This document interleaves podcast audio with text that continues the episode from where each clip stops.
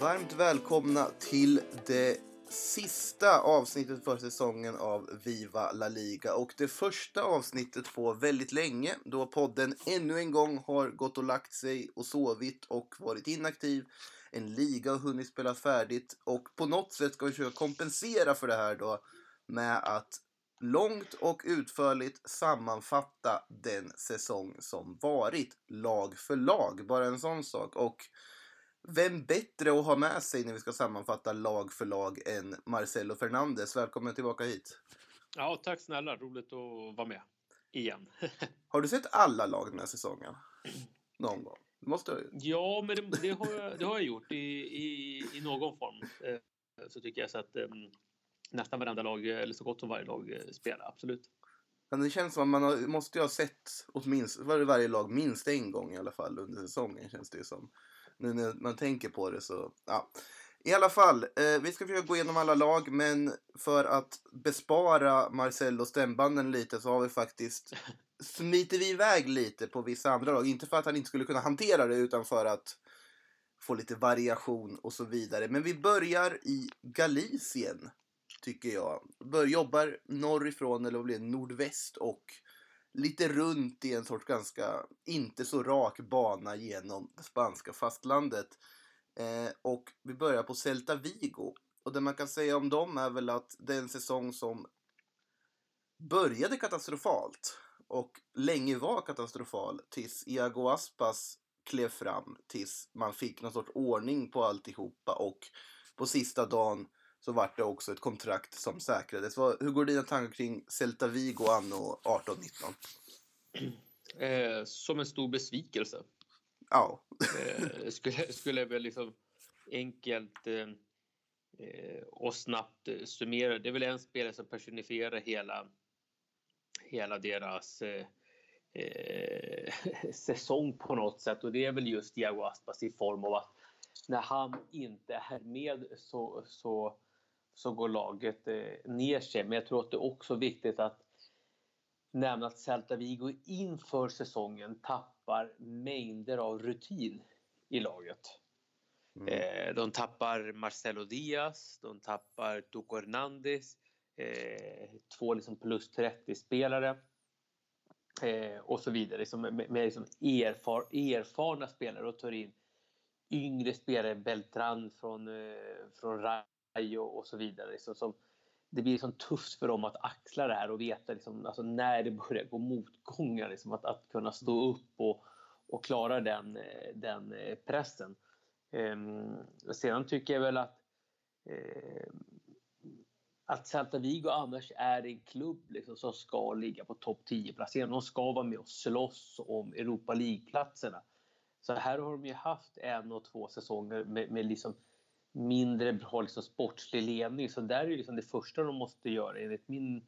Det är inte bara liksom lite football köpa till sig bra spelare med bra egenskaper så tror man att det kommer eh, ge resultat utan du måste ha en sportslig inriktning som pekar åt ett håll eh, där sportchefen och eh, tränaren är, har en samsyn kring spelare och spelaregenskaper och, och även liksom karaktärer på spelare. Hur funkar de utanför och i grupper och så vidare som, som måste in. Men eh, generellt sett Celta Vigo är en klubb som ska hamna betydligt högre upp eh, än den eh, placeringen de eh, nådde i år. Eh, den 17 placeringen med blott 41 poäng.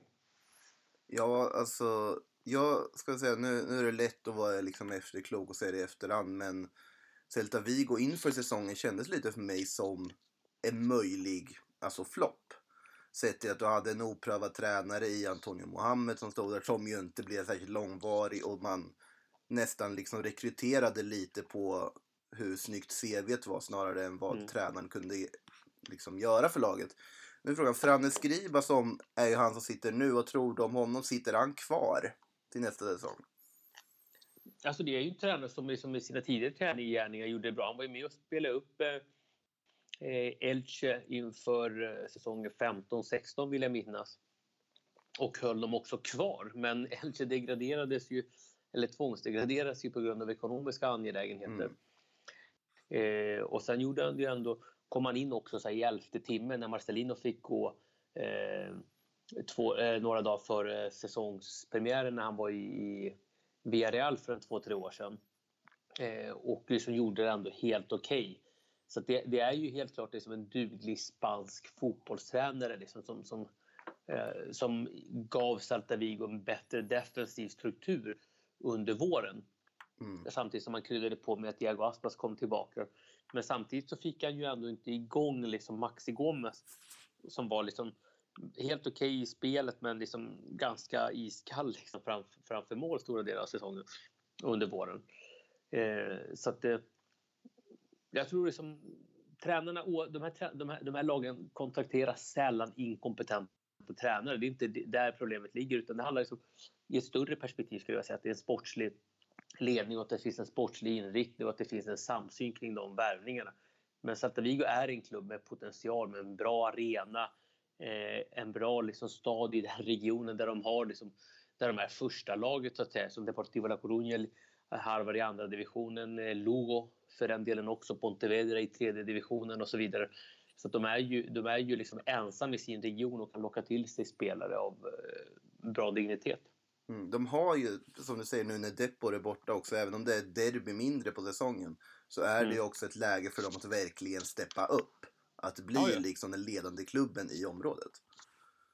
Så att... Ja, garanterat. garanterat. Mm. Ehm, men sen... Eh, det, det är också som att det är mycket som ska klaffa. Liksom. Det, Antoni Mohammed, liksom, även om man tycker liksom att det var en oprövad tränare, det är det ju inte. Liksom. Alltså, på ett sätt hade han ju bra meriter från, från Sydamerika, mm. eh, bland annat. Då. Eh, Monterrey, bland annat, och ehm, eh, Club America. Så att, liksom, han har gjort det bra, liksom. men det är klart oprövad i i, I La Liga, i, i La Liga så att säga, i Europa. Och den, den, den risken finns ju alltid liksom, när man tar med mm. sig mm. tränare ute, utifrån. Uh, sen saknar man ju han för hans utstyrsel också. Det är ganska ja, herregud vad man saknar den. den. Det var synd att den berövades så, så tidigt under säsongen. Alltså hans uh, modeshow han hade där på sidlinjen. Uh, jag tänker också, det var intressant för inför den här säsongen var det ju många spelare det pratades om i Celta Vigo som var lite på Premier League-klubbar eller Kina-radarn. Jag tänker Maxi Gomez till exempel, mm. Lobotka mm. en annan. Känns det som att borde man ha skeppat i det här läget på ett sätt nu med facit i hand? För de här kan ju inte ha liksom ökat sitt marknadsvärde under den här säsongen direkt. Nej, alltså utifrån ett sånt perspektiv, liksom så här med öka och sänka marknadsvärdet. Ja, möjligt, men det är alltid lätt att vara, mm. vara efterklok. Men jag tror ändå att det är det är spelare som, som de kommer få bra betalt för. Mm. När Premier League-klubbarna eh, dyker upp och vill, och vill ha dem. Så det var ju så sent som i, i vintras som eh, West Ham ville ha Maxi Gomez. Liksom.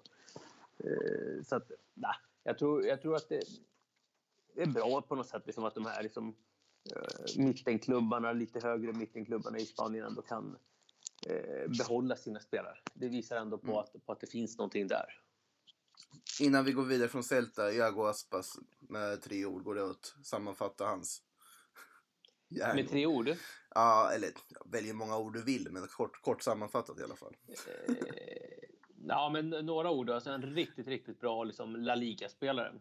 Eh, nationell spelare, skulle jag vilja säga. Men inte mer än så? Nej. ja, vi, har, vi har pratat om Aspas förut här. Jag vet att det snackades om Real Madrid och sånt inför säsongen. Så att Men det, han blir, tror du han blir kvar i Celta karriären ut nu? Det känns så va? Ja, det känns så. Om inte han tar en sista vända till staten eller Kina liksom för att hova in.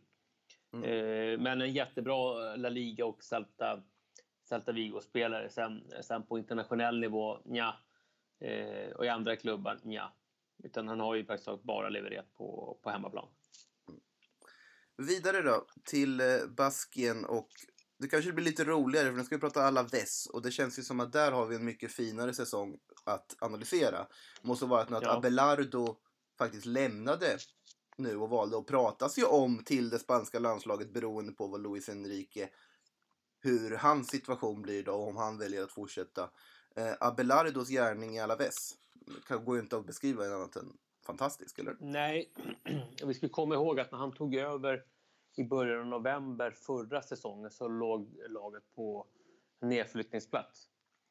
Eh, de var ju helt utdömda. Det var ju en lånelegion av Ja. spelare. Liksom, ett hopkok av folk som inte andra klubbar ville ha som egentligen inte passade ihop heller på något sätt.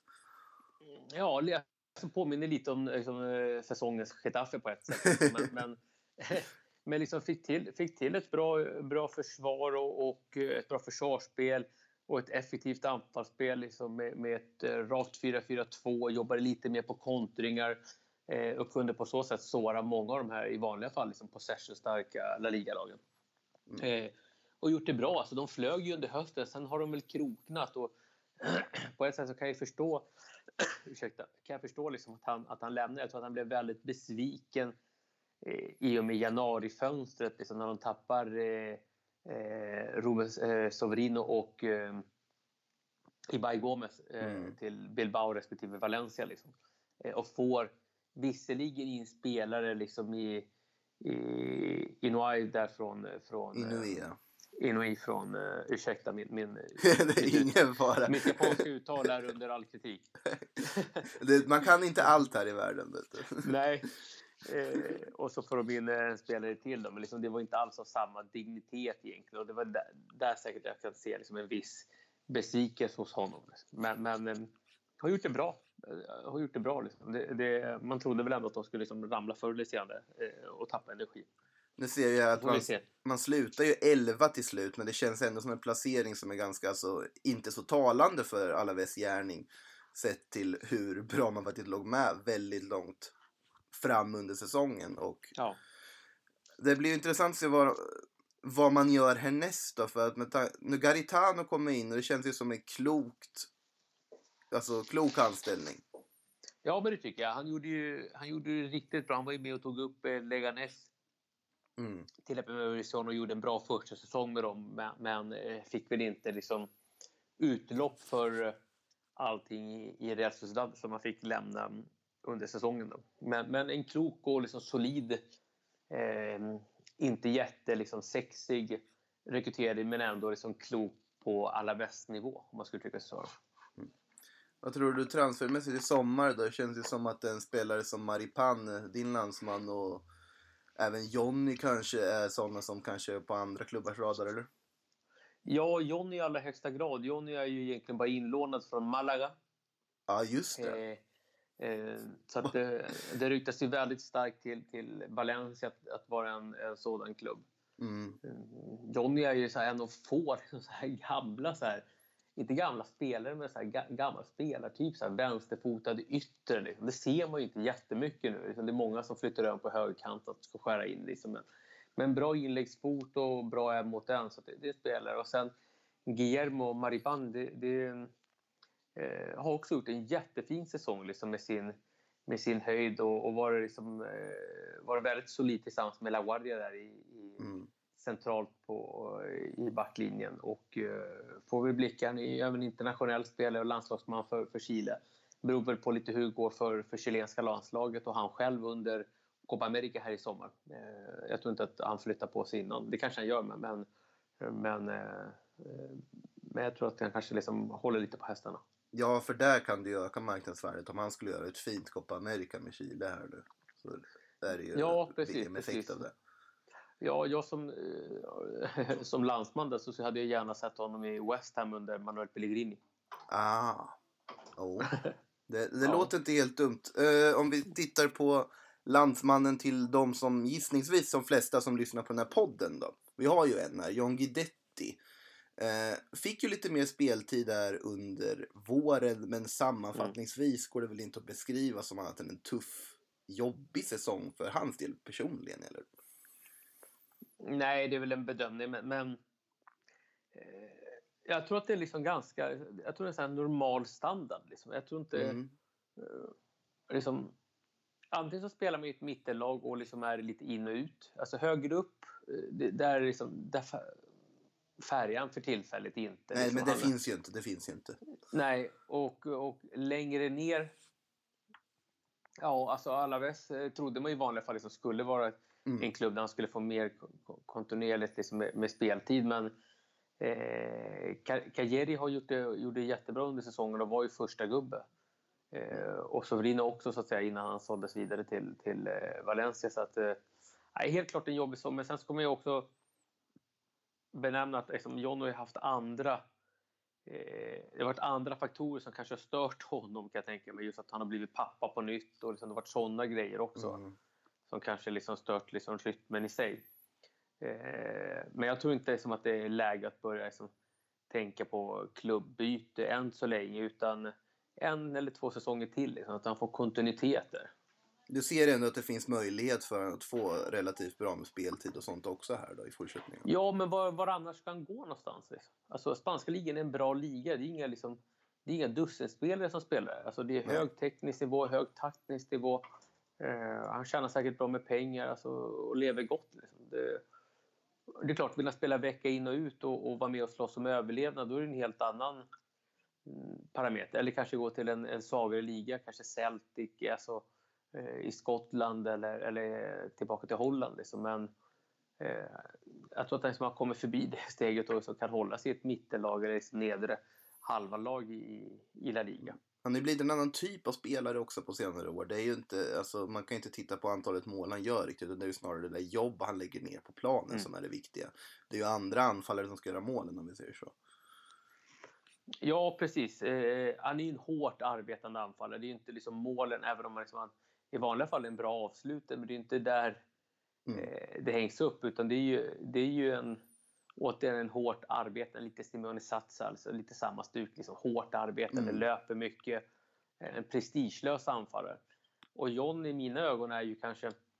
Eh, jag tror att han, han måste få ett understöd också om han ska leverera. Ska han leverera i poäng så måste han ha liksom ett, en offensiv trea bakom som, som levererar. Mm. Och sen eh, jobbar han som en av två, då blir det lite mer undanskymt att han får jobba liksom mer för, den, för att den andra spelaren ska få ska få bära frukt. Mm. Absolut. Vi får se hur det går för John. Eh, men poddens, jag håller med dig, så att poddens bedömning här är att vi hoppas att Guidetti stannar i höst i alla väst, även om det skrivs mycket annat i och med speltid och så vidare. Eh, vidare i det baskiska fastlandet då, till eh, Atletic Club. Vad också så här, det är många säsonger vi kommer till som kommer vara väldigt upp och ner känns det som. Mm. Att man kan sammanfatta det som en brutalt svag höst och en väldigt stark vår eller vice versa. Eh, I Atletics fall så är väl det förstnämnda som gäller att svagt till en början, svårt att ta poäng men sen ändå vakna till liv när de fick lite kontinuitet på tränarpost och ledning. Ja, precis. Man kan väl säga så här att vändningen kom väl liksom eh, runt jul när de fick en ny president, eh, president mm. i Aitor Elisegi eh, som också tog med sig eh, Rafael Corta, den gamla mittbacken, som, eh, som eh, sportchef. Mm. det genererade också att klubben tog in en ny tränare och skickade, och skickade Berizzo. Mm. vi får inte glömma att laget låg faktiskt på nedflyttnings eh, nedflyttningsplats. Ja, just det, de var så lågt. Ju, ja, de låg under nedflyttningsstrecket och Bilbao är ju tillsammans med de två stora drakarna i Spanien, Barcelona och Real Madrid, eh, de enda klubbarna som inte har åkt ur högsta ligan. Mm. Eh, ska ju tilläggas. Va? Ja, ja. Eh, och har haft liksom, jag fick en eh, jättefin utväxling på, på laget vilket gör att man kan ifrågasätta Berizzos tränargärning ändå. Men jag fick också fart på en spelare som Iñaki Williams som jag tycker ja. liksom har någonting där. Han har någonting liksom, men liksom inte riktigt fått utlopp. Och sen har vi en sån här som Iker Muniain också som i en, en tidigare liksom vänsterytter som har fått flytta in i en sån nummer 10-position har blivit bättre och bättre. Mm. Eh, och så. Sen är det fint också här i dagarna så förlängde de ju med Adoris, ja. Med Adoris, precis. Ytterligare en säsong. Det minns jag ska jag till att Adoris faktiskt, han var ju i Norrköping för vad blir det, typ så här 8-9 år sedan i Mallorca och på träningsläger. Mm. Och då vet jag att han outade ju sin eh, transfer till Valencia mm. på nattklubben Hugos i Norrköping. En liten kur kuriosa där. Enligt mina vänner som hade träffat honom på klubben så sa han nej jag är på väg till Valencia. Där är outat mm. där då på klubben. Så det var där det kom fram på Hugos i Norrköping att Adori skulle till Valencia. Bara, bara en anekdot som jag kastar in mitt i alltihopa. Fantastisk lirare och kul att han får vara kvar. Uh, Iñaki som du säger. Alltså det känns nästan lite som en sorts Mm. alltså, genombrott kanske är fel att säga på en spelare som ändå har spelat, alltså varit på en bra nivå, men han tog ju ett extra kliv den här våren verkligen. På Mm. Leder laget på ett helt annat sätt i offensiven. Ja, men det, det ska ju också tilläggas att han är ju en bra djupledsspelare och kraftfull och då kanske man måste spela ett sånt spel också. Du vet att Bilbao är ju i vanliga fall liksom ett... Alltså, det, det är ju lite så här brittiskt över det hela. Eh, Mm. Liksom att de är ganska storväxta, det är på samma mässigt jobbet att spela på, de är bra på fast situationer, de är stora, tunga. Mm. Eh, eh, och blir det mycket sånt spel då, då bör man ju ha liksom nickstarka spelare. Men när de tar hem laget lite och jobbar lite mer på kontringar och omställningar då, då, då får de mer ut av eh, Iñaki. Mm. Men det känns ju som att, precis som du säger, att vad heter, det, San Mames har ju länge varit lite ungefär som man brukar säga, a cold night in Stoke. Fast att åka till San Mames. Mm. Eh, nu får vi ju upp ett annat lag, för Osasuna, som är lite liknande. Att åka dit och lira är ju också en sån här erkänd svår bortamatch. Fast det kanske inte resultatmässigt alltid ser ut att vara det. Nej. Men vad tror vi om Atletic här? Alltså det finns ju alltid en begränsning när man ska förstärka inför en sommar och så vidare. Och sen så finns det, och det kan ju också vara en välsignelse sett till att du behöver inte scouta lika mycket. Eller kanske ännu mer. Vad, vad tror du de hittar på i sommar? Eh, jag hoppas ju någonstans, eftersom jag är lite, så här, man blir lite, sentimental av sig, men jag hoppas att de får tillbaka eh, två gamla spelare i form av Fernando Llorente. Mm. Eh, hoppas att de får tillbaka och sen Ander Herrera. Även Ja. om det sistnämnda är väl kanske svårare, men, men när presidenten Eliseyen han tillsattes i, i december så, så var han ganska tydlig med att det här var två av hans liksom, transfermål. Om Mm. man ska uttrycka så. Och Bilbao är ju i vanliga fall en klubb som alltid liksom är med och slåss där uppe om Europa League-platserna. Så att det, eh, med rätt liksom förstärkningar här i sommar eh, så ser jag inte varför de inte skulle liksom kunna upprepa en, en åttonde placering nästa säsong. Mm. Känns ju också som att mittenklubbar och så vidare kan bli lite mer attraktiva för spelare som tidigare varit i landslaget och vill flytta hem och så vidare. Nu när vi har en landslagsledning som uppenbarligen tittar även utanför toppklubbarna som man ser på de landslagsgrupper som har varit på sista tiden. Att, att du levererar i ett mittenlag eller bottenlag i La Liga är Mm. väldigt stor chans att du faktiskt får en landslagsplats på det om du tittar på Santi Cazorla nu senast till exempel Mm. som kommer tillbaka. Det, och jag tror ändå Anders skulle kunna tänka sig alltså att flytta hem. Faktiskt. Ja, det, det är väl inte omöjligt, men det är också eh, det är ju också en effekt av att Spanien som, som landslag genomgår liksom en, en generationsväxling. Ja. Och att den generationen man hade var ju liksom, fanns ju ingen anledning att rucka på den. Liksom. Nej. Alltså så bra var de ju. De gav ju spa- spanska, spanska landslaget liksom, kan vi hem tre titlar på 08, 10 och 12. Liksom. Alltså varför rucka på den? Mm. Ja, nu måste man göra för nu känns Ja. det som att man är lite mer vilsna i vart man är på väg riktigt. Men det, det är en annat problem. Eh, vidare till Athletics eh, kollega slash konkurrent där i Basken och i San Sebastian, eh, Real Sociedad. Också slutar ju bara tre poäng efter Atletic och ganska liknande säsong på så sätt väl att man förändrar och ändå fått någon sorts kontinuitet i det. Ja, precis. Eh, De gjorde ju så av med Garitano Mm. under säsongen och tog in Imanol Alguacil då från, eh, från eh, B-laget. Ja. Och eh, nej, men även där fick ju som en bra effekt. Generellt sett så har de ju många bra spelare. Liksom. Mm. Jag tänker på Gerard Saval, jag tänker på William José. Det är ju liksom två mycket kompetenta spelare. Bautista är en annan som en annan spännande spelare så att säga. Mm. Så att eh, eh, Ilarra och så vidare. Så, att det, de, de fick ju inte riktigt ihop det. Liksom. Så att, men där är det ju spännande att se, liksom, om de, de kan ju värva externt om man uttrycker det Ja, så. precis. De, de kan titta lite bredare. Ja, så får man se lite hur de eh, tar sig an den här eh, sommaren. Det fina hade ju varit att se Carlos Vela tillbaka i, i, i tröjan. Ja. Med tanke på vad han har gjort det borta i USA, ja. ja. Men det, och Jarzabal då, för det, det känns ju som en så logisk Griezmann-ersättare för Atletico. På ett sätt. Frågan är, är han Ja. redo för en sån flytt? Ja, men det tror jag. Liksom att, eh, det, det, du menar att han skulle kunna gå direkt dit? Alltså?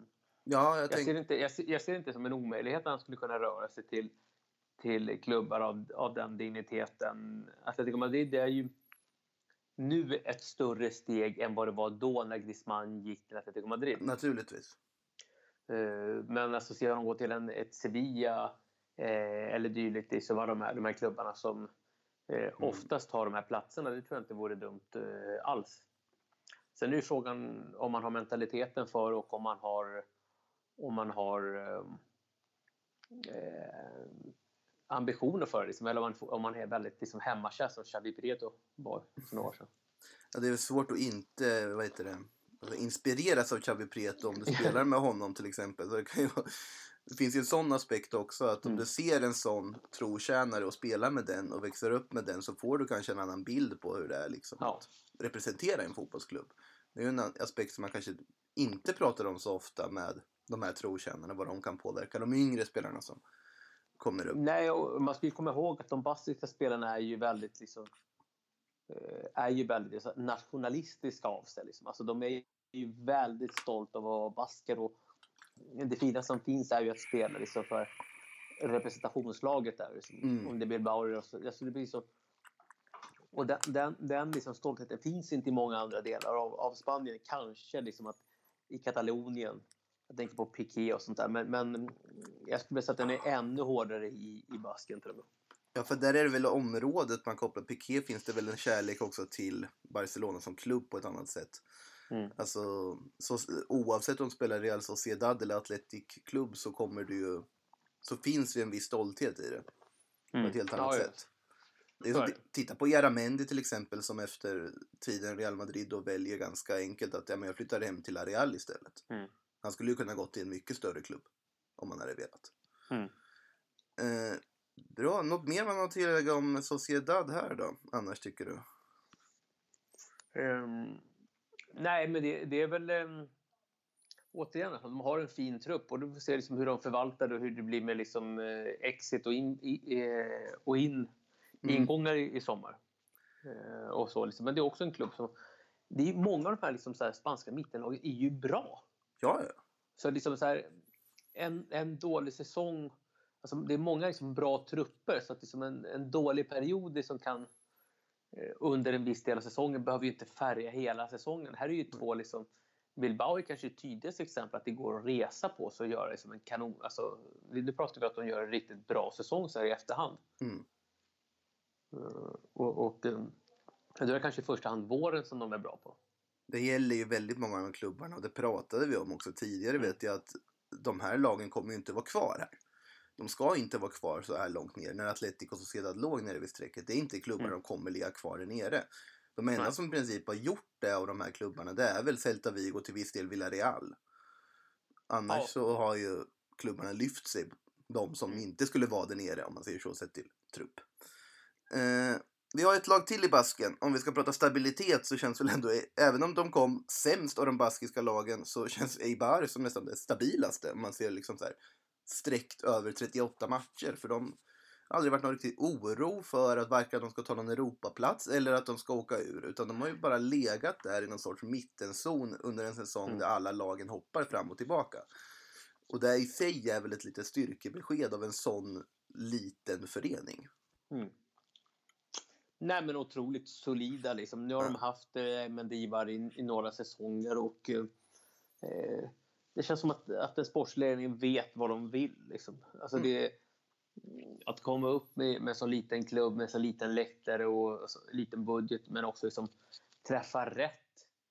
Eh, träffa rätt i scouting. De är, alltså sådana här klubbar är ju, eh, har ju liksom mycket liksom, de har inte samma de måste vara mer säkra på att träffa rätt på sina spelare än vad Mm. stora klubbar är. Med tanke på att eh, de har så, li, så liten liksom, pengabudget. Eh, Och även lönbudget, alltså transferbudget och lönbudget för den delen. De har inte råd att pricka fel på nyckelspelare. Det är det. Nej. och där är det också intressant att se en sån här spelare som med Barcelona-anknytning som de lånar in inför säsongen, Cucurella. Alltså, det, det är ju. Eh, Vad bra Ja, alltså en vänsterback som, som de flyttar upp en position till vänsterytter Mm. och eh, gör det riktigt, riktigt bra. Liksom. Och då ska man ändå komma ihåg att de tappar eh, spelare inför säsongen. Så, som Dani Garcia tappar de ju till, till Bilbao. Liksom. Mm. Men eh, ersätter dem bra. Alltså, de, de, det, eh, och din landsman också försvann ju in, i, inför säsongen. Precis. Inui också. På precis. tal om scouting som inte varit lika rätt när Betis plockade in honom. Men det kommer vi till senare när vi jobbar oss ner söderut. Men Juan Jordan, ett namn jag vill slänga in här också. Det är en riktigt bra säsong för honom. Ja, och det är ju en spelare som, eh, som jag kan tycka att eh, Espanyol borde ta hem. En spelare. Liksom. Det, det är en eh, Cantera-spelare från, från Espanyol. Liksom. Och eh, också en spelare som eh, jag tror man betalar 400 000 euros för honom, vill jag, vill jag minnas. Eh, Inga pengar alls när man plockade över honom från, från eh, Espanyol. Och eh, jag gör det rikt, gick riktigt bra med, med Diop där på, på innermittfältet, bland Mm. annat. Och, och många andra spelare. Eh, Oriana är en annan som sticker ut eh, Ja. med sina prestationer och eh, Enrik eh, Kiki. Alltså de har ju eh, de, nej, de har gjort det bra. Riktigt bra. Imponerande faktiskt. Man tänker alltid för varje säsong att de här har ju, har ju stor möjlighet att åka ner. Men jag tycker också att det är inte bara spelarna vi ska hylla den sportsliga ledningen. Jag tycker de har en tränare, José Luis Mendivar, som är alltså, mycket kompetent. Mycket Ja, kompetent. det har ni tränare. visat. Det här, alltså, Eibar gör ju precis... De gör en riktigt bra säsong utan att egentligen Mm. behöva oroa sig. Ja. Alltså, Charles 35 bast. Sätter 14 Mm. kassar på säsongen liksom. Håller en. Mm. Till exempel. Det imponerad. Jag blir imponerad i smyg av Eibar lite på något sätt. Och det är verkligen så att de har imponerat i smyg. Och Mendelibar får se om han är aktuell. Det är ju, kommer ju bli en tränarkarusell här i sommar med tanke på folk som lämnar och folk som går och så vidare. Ja, det, det kommer... ehm, det kommer att röra på sig på många bänkar. Sevilla, Betis, Villarreal, Celta kanske. Eh, vi vet ju Alaves har redan, har redan rekryterat. Så det, det är Mm. många tränarbänkar som kommer att... eh, Befolkas Eh, med nya ja. namn. Eh, vidare då, lite neråt i landet. Vi kanske ska åka till Aragonien kanske? Vad låter det? Ja, du tänker på Huesca. Absolut. Eh, Zaragoza hade man gärna pratat om, men de är inte nära att gå upp i år heller, så att vi får vänta med det. Eh, men Huesca som åker ner eh, såg ju helt utdömda ut till en början den här säsongen och det kändes ju som Mm. att det var en tidsfråga. Sen så börjar de med sin Great Escape på något sätt. Då man börjar plocka in poäng, men i slutändan räckte det ju inte. Eh, vad kan man säga? Det är väl ganska väntat, eller? Ja, det tycker jag. Ja. Eh, däremot måste det vara en enorm besvikelse när de kommer till en av de sista matcherna och känner att äh, här kan vi här kan vi vinna, eller liksom, här har vi möjlighet att hänga kvar. Liksom. Vi måste vinna för att hänga kvar. Mm. Och så åker man på 0-5 mot Valencia hemma. Liksom. Ja, ja. och det var inte så här... Det gick Det ju ju snabbt och, pardon. Liksom. nej, det var ju snabbt och kvickt också. För Ja. Valencia som oftast inte är så snabba och kvicka med att Mm. eh, sänka sina byten.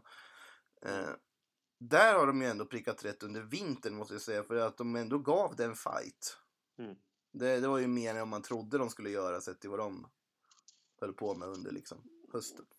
Ja, och där tror jag liksom det finns spelare som beror på lite hur, hur de vill eh, eh, ta sig upp nu. Nu ja, ja, sparkar de även sportchefen här under våren, Emilio Vega. Mm. Så det blir intressant att se vilken, vilken riktning eh, West kommer ta inför nästa säsong. Om man vill komma upp direkt eller om man eh, eh, nöjer sig liksom med att ta ett mellanår eller dylikt. Men de har ju flera spelare med liksom attraktionsvärde. Jag tänker på eh, argentinaren eh, Chime Avila. Jag Mm. tänker även på en spelare som eh, gjorde första halvan av säsongen den här säsongen i Extremadura och ledde skytteligan i La Segunda. Eh, Enrique Gallego. Ja, Också det har spelare succé. eh, som skulle liksom mycket, det är en, en fin målskytt, notorisk målskytt, liksom bra fysik som eh, mycket väl skulle kunna liksom gå in i, i eh, nedre halvan eller mittenlag i, i La mm. Liga. Mm. Liksom. Champi är en annan från Malaga och så vidare. Så de har de har några namnkunniga spelare där som, eh, som jag tror många La Liga-lag kan säkert hålla ett öga på. Det känns spontant ändå som att Uesca, sett till liksom storlek på klubben, sett till organisation och så vidare, att det är svårt att se dem studsa upp på en säsong från segundan. Nej, den, den är tuff. Liksom. La Segunda är ju tuffare än vad man, vad man tror. Det är enormt många matcher som spelas där också. Mm. Uh, så att, uh, och sen har de en, en tendens att uh, avskeda en hel del tränare under säsongen. Championship med teknik, kan man väl säga. Kort sammanfattat. Ja, exakt. exakt. Eh, nej, men Oesca alltså, vi tackar dem för deras gärning. Eh, jag tror att de ändå var ganska glada. De fick en säsong i La Liga på något sätt och ändå fick någon form av spänning senare. Det är ju inte ett lag som vanligtvis hänger med här uppe. Eh, och det blir ju Aragonien-derbyn igen nu i segundan nästa år istället. Precis. Några som hängde kvar, en nykomling, var ju däremot Valladolid. Ja, precis. Det är den riktiga Ronaldos lag. Han är ju... Kan man säga den riktiga Ronaldo fortfarde? Det kan ja, man va? Alltså det, det, finns ju bara en Ronaldo. sen, kan vi, sen kan vi prata om Cristiano. ja, i och för sig. Nej, jag är lite... Nej, men jag köper det. Jag köper det helt och hållet alltså. Nej, men eh, Valladolid, de har ju den gamla, stor, stor och stor, men den gamla centrala mittfältaren från både Espanyol och Deportivo La Coruña, Sergio González där. Mm. Eh, och eh, eh, Ronaldo har ju liksom utlovat mer resurser eh, inför andra säsongen här eh, i La Liga. Så det var ju först liksom att hänga kvar. Jag tror en spelare som de måste behålla är ju en sån som Tony Villa. Eh, jag kommenterade ju matchen mellan dem och Valencia och de spelar bra. Liksom. De spelar bra, men de mm. har inte den här liksom, sista punchen, liksom, sista tredjedelen. Nej. Med en killer eller liksom en mer spelare som är lite mer konkret sista tredjedelen. Eh, exklusive Antoni Villa då, som är riktigt, riktigt bra faktiskt. Eh, men Ronaldo har ju lovat 67 eh, värvningar mm. under, under sommaren. Eh, så får vi se vilka eh, vilka det blir. Under sista matcherna så gick ju även eh, eh, Borja Fernandes gick ju i pension här. En av de få fortfarande aktiva spelare från Galacticos-eran. Eh, en av de egna produkterna i Real Madrid på den tiden. Eh, gick i pension nu, 37-38 år och eh, kommer vara kvar i, i klubben. Dock oklart i vilken, i vilken roll. Men eh, jag tycker det är alltid liksom en, en lyckad säsong när en nykomling håller sig kvar. Ja, alltså sett till deras spelartrupp och material så måste mm. man ju säga att de har gjort det precis så bra mm. som man kan vänta sig. Mm. Det, är ju, det är ju inte en trupp som skriker i La Liga när man tittar på den, om vi säger så. Mm. Men man har ändå på något sätt ändå gjort ganska bra resultat. Mm. Ändå känns ganska svårforcerade i sin hemmaborg genom säsongen. Åtminstone ja, det ja. jag har sett, kan jag känna det. Ja, ja, precis, precis. Mm. Nej, men det det, ja, det ska bli intressant. Eh, det, det, är många, det kommer hända mycket i, i många klubbar under, under sommaren. Eh, det tror jag. De har ju liksom, jag tänker även hans Sergio Guardiola är ju också en spännande spelare men också inlånad eh, från mm. eh, Getafe. Så att, eh, Tänk en Fernando Calero kan ju vara av intresse för någon, vissa ja, lag också med sin absolut, säsong. Absolut, Åldern också. Jätte, Absolut. Eh, så att eh, får se, liksom Ronaldo har ju lite knytningar till, eh, till Real Madrid. Finns det möjlighet att låna några spelare därifrån med de som inte färgar. Mm. Man skriver liksom i ASS fast det är kanske inte liksom trovärdigt att de, de, en dröm hade ju varit att få in Vinicius Junior men jag har ju svårt att se att eh, Zidane eh, släpper honom. Till Valladolid känns det inte riktigt som att det är dit han ska gå kanske om man ska lånas, om vi säger så. Um, ja, fast det är som en, eh, får vara viktig en hel säsong och spela ja, vecka in, vecka ut. Kanske. Ja, kanske. Jag vet inte. Men det är klart, det är kanske mer attraktivt att gå till en eh, Villarreal eller något sånt där. Kanske. Ja. ja, för det känns ändå som att den nivån har han. Ja, oja, oja. Ja, onekligen. Eh, ska vi... Vi rör oss till Katalonien, men eh, vi sparar på stämbanden lite och eh, så tar vi in en annan gäst. Och eh, vem bättre då än att ta in Marcus Bring tillbaka i Viva La Liga-värmen. Välkommen hit! Tack så jättemycket! Hur är läget med dig? Får gratulera till ligaguld också. Ja, exakt. Kanske. Ja, det har ju blivit det sen senast jag var här. Så att, nej, men det är skitroligt. Sen är det ju andra tråkigare saker också, men ja, behöver inte ta nu. Ja, men på ett sätt, det blir det som blir intressant där. För Barcelona, om man tittar i ligan, så är det ju svårt att sammanfatta det som annat än en fantastisk säsong. Men om man tar det ur ett större perspektiv och börjar titta på Champions League och så vidare så kanske man tänker något annat. Hur går tankarna för din del om du ska försöka kort summera Barcelonas säsong? Ja, men man är ju så otroligt bortskämd. Så de här ligatitlarna, det är ju åtta på de senaste elva säsongerna. Så de har ju blivit lite så här slentrianmässiga. Sjukt nog. Även fast det såklart är alltså, jätteroligt varje gång man vinner dem. Men de här två Champions League-säsongerna, de två sista, överskuggar ju ganska mycket tyvärr. Och det har ju varit, det är så svårt att komma ifrån de katastrofresultaten och insatserna. Barcelona skämmer ju verkligen ut sig två säsonger i rad. Och det är ju oförlåtligt egentligen från Valverde och alla som är inblandade. Det är ju bara uselt. Ja, alltså för Roma i sig förra säsongen, det var ju en extrem chock och det fanns ju inte på tapeten i princip och bara ett rent resultat av vi tror att det här är klart, det räcker med att ställa ut skorna, vi tappar det. Och nu Ja. på något sätt, Liverpool är ju ett bättre lag. Liverpool har, är ett farligare lag. Liverpool-matchen kändes på ett annat sätt som att det fanns ändå någon viss möjlighet på någon sorts världskarta. Men samtidigt sättet det sker på, varför tror du det sker igen? Det är det som är så otroligt, att man vet ju inte. Det ska ju inte få ske igen. Alltså, okej, det sker en gång. Det är en gång i en gång, okej. Men Mm. två år i rad på samma sätt egentligen. Det är liksom... Förstår inte hur tankarna gick hos Valverde när han i stort sett approachar matchen precis som han approachade Roma-matchen. Att det är okej om vi sitter tillbaka. Men det är inte okej för att Liverpool kommer i våg efter våg. Speciellt i andra halvlek då. Mm. Ehm, och det är ju kört efter 55 minuter. Då står det ju 3-0. Och då vet man ju att vi kommer förlora här. Och bara, bara det faktumet Det man ju känner sist- att, man, att, det inte liksom, att man inte kommer vända det även vid 3-0-läget där. Nej, exakt. Då kändes det ju kört. Trots att ett mål hade tagit Barcelona till eh, Ja. eh, final till och med. Just då.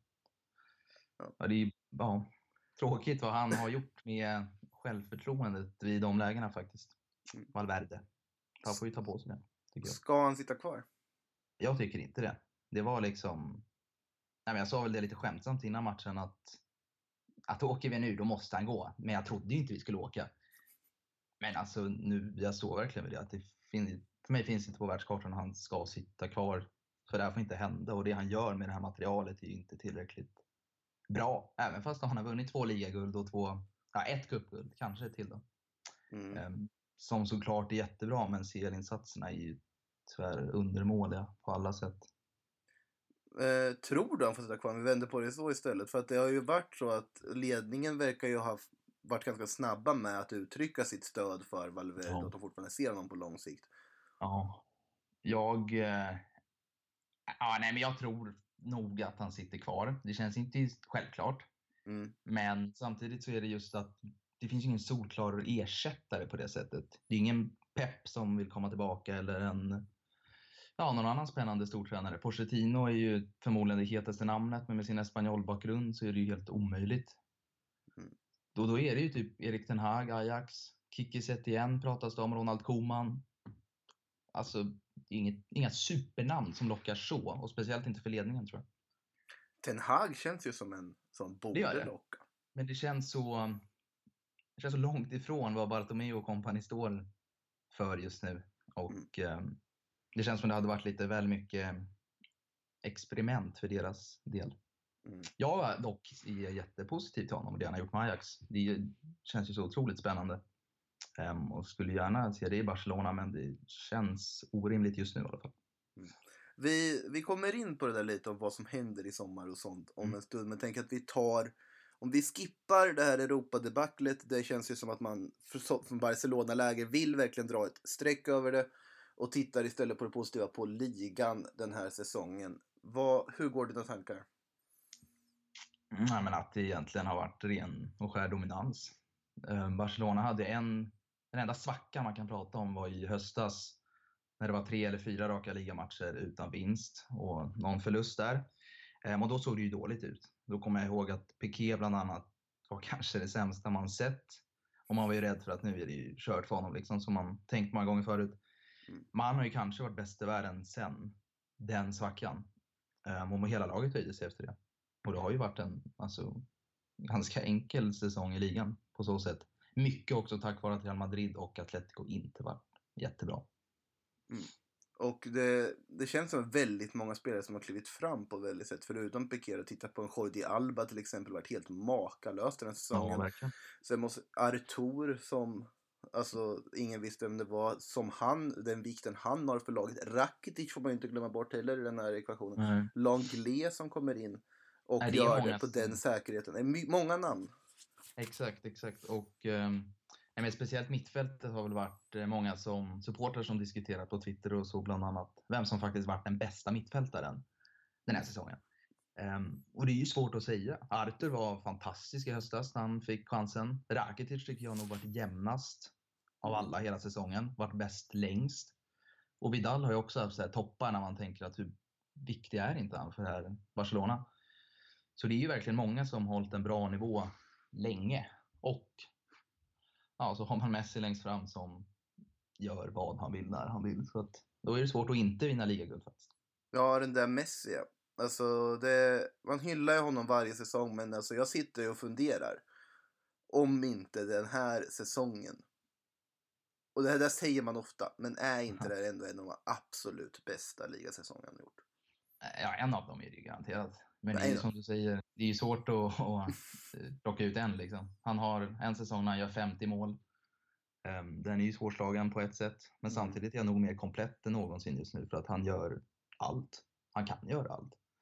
Och han är ju verkligen så s- enorm del för det här laget och klubben och hela regionen. Han fick ju den här Sant Jordis um, Crest eller vad det heter Mm. ehm, för sina insatser för, ja, för regionen i stort. Och det är väl bara Johan Cruyff som har fått den senast tror jag. Så det är ju en, ett tecken på vad han betyder för allt där nere.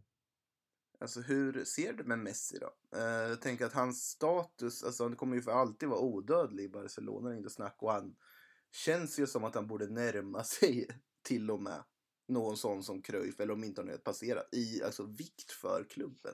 Han är på något sätt synonym med klubben idag. Ja, det är så svårt det där att jämföra. Ja. Cruyff har ju det är ju svårslaget det han har gjort liksom. Han, allt han betydde både på plan och sen vad han gjorde efter sin karriär och Mm.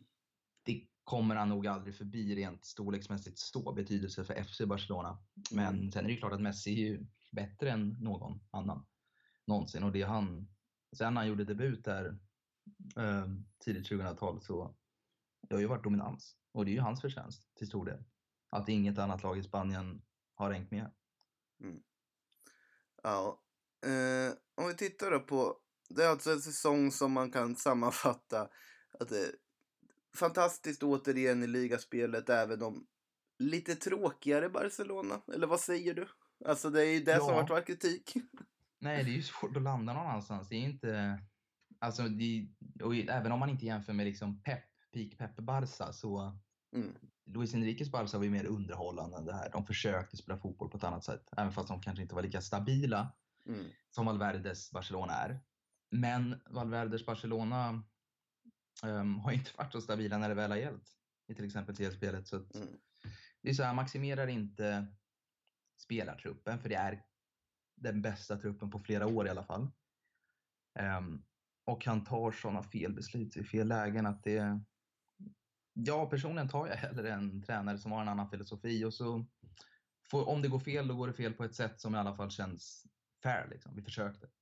Mm. Nu känns det bara att man fegar ofta vid fel tillfällen också och skiter sig på så sätt. Och det känns inte okej. Och det är inte roligt framförallt. Vad väntar du för sommar då? För det känns som att, du, vi var inne lite på att Bartomeu inte kanske är typen som vill ta en oprövad tränare eller känns och så vidare. Och det gäller ju lite på något sätt i hans värvning filosofi också. Ja. Att laget nu känns ju på något sätt kommersiellt om man ska säga mer än någonsin. Och Mm. i princip alltså hymlar inte med att kasta ut miljarder för spelare. Vi såg ju Ja. Coutinho-värvningen, det i sig är ju en frågetecken. Vad tror du händer Barcelona i sommar? Kommer en Antoine Griezmann till exempel? Jag räknar med att Griezmann kommer. Det känns, även fast det kommer väl lite rapporter nu på sista tiden här, att det inte alls är särskilt säkert att han kommer, men samtidigt ser inte jag vart han skulle landa annars. Liksom. Bayern München, Paris. Bayern, ja, det är PSG i så fall jag tänker det är Juventus. rimligt. Juve tror jag inte nu med Ronaldo som är kvar och tar mycket plats där framme. Visst, det går väl och då är det om Dybala går och det kanske han gör. Mm. Nej, visst, han kan ju hamna någon annanstans, men jag tror ändå att Barcelona, med tanke på hur nära det lär ha varit förra sommaren, så tror jag nog att han ångrar sig lite helt enkelt och vill gå dit. Um, men det är väl huvudspåret liksom. Och sen Delikt är ju också liksom en sån här, kommer han eller kommer han inte? Det är, jag chansen också på att han kommer, precis som Griezmann.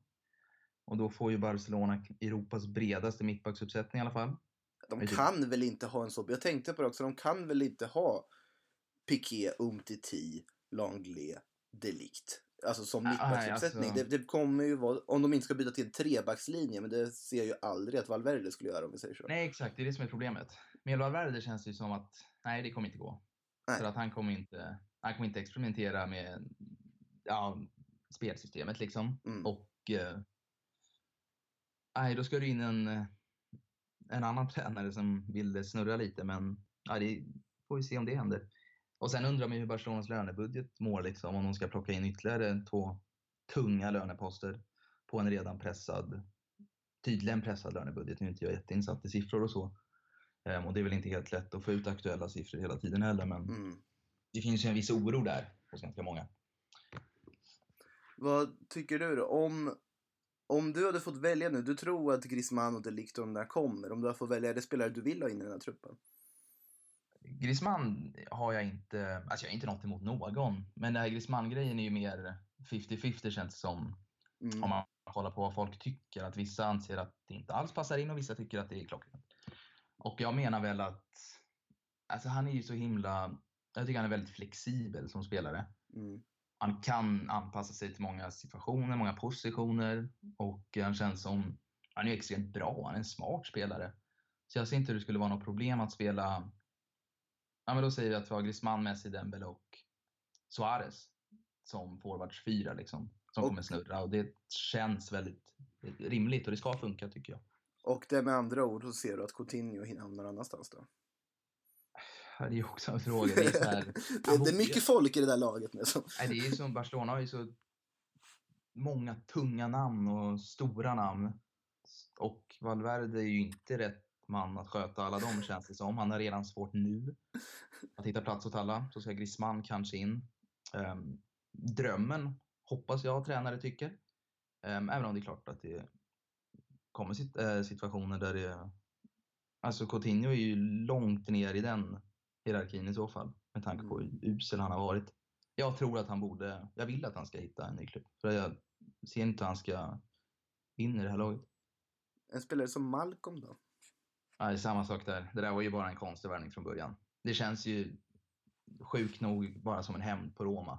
Alltså att de snodde han sista sekunden. Jag vet inte om det stämmer, men han har ju ingenting i den här klubben att göra. Han har inte varit dålig när han har spelat. Han har Nej, varit han har ju knappt fått spela. Han har inte fått chansen. Nej. Han startade ju El Clasico i vintras. Var jättebra. Mm. Verkligen.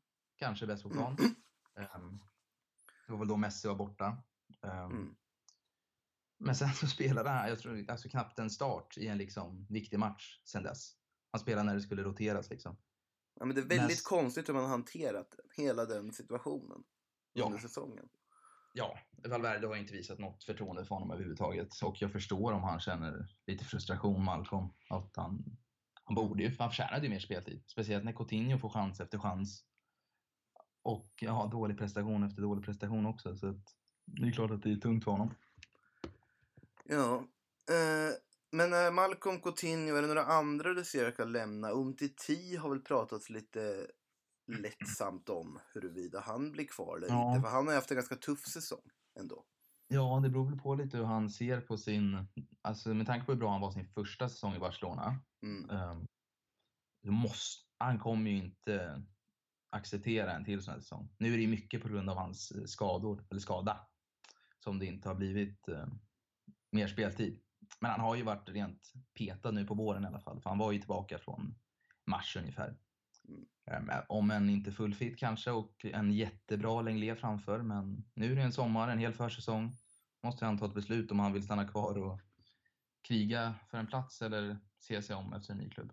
För att om det likt kommer så blir det verkligen, då ska två, ja det är ju fyra riktigt bra mittbackar på två positioner, då blir det ju sitta en del för åtminstone en av dem.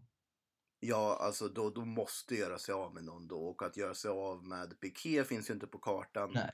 Göra sig av med Langlais känns ju bara, finns ju inte heller på kartan sett till hans säsong. Så då är det ju om till tid som blir den liksom felande länken på något sätt. Exakt. Det beror... Um, ja, vad var det jag tänkte säga?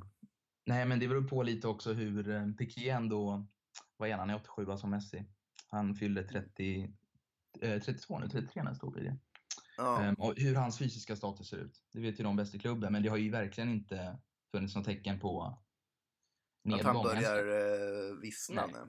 Inte än i alla fall. Verkligen. Nej, Så, onekligen intressant. ja, så är det. Alltså hur det ser ut där. Sen sitter ju jag och funderar på vi- vilken Kina-brasse man ska hämta in den här sommaren. Ja. Alltså för det, det känns ju som att det kommer någon. ja, exakt. De måste hitta någon till. Du fick Kanske ju Paulin, Paulinho är ändå till. Paulinho tillbaka, men Paulinho Mm. hade du ju. Och sen så var det ju Prins Boateng-lånet. Nu är inte det en Kina-brasse, men det känns ju som någon som, Ja. alltså, vad Nej, var det? Nej, det var det är förmodligen den sjukaste värvningen på alla plan. Typ det här årtiondet.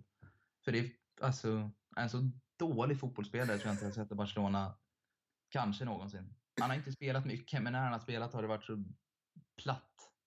Det finns liksom ingenting att ta i. Det har inte funnits på kartan att han ska ens rotera Suarez i... eh, Alltså, så fort det är poäng på spel, när det verkligen behövs poäng, då, då är inte han med i truppen. Han spelar ju de här matcherna som inte betyder någonting. Min teori är ju att Barcelona ändå kommer att utnyttja den utköpsklausulen. Oj, det, är en spetsig åsikt. a- alltså för att det finns ingen annan logik i det. För alltså, du måste ju ha sett att Prins inte håller för att spela i Barcelona. I, Ja. Innan. Han var bra okej i Sassuolo, absolut. Men du måste ju ha sett att det här kanske inte är rätt lösning. Men att man då har tänkt, man köper en utköpsklausulen och sen så fyrdubblar vi den och så skickar vi de pengarna till Kina.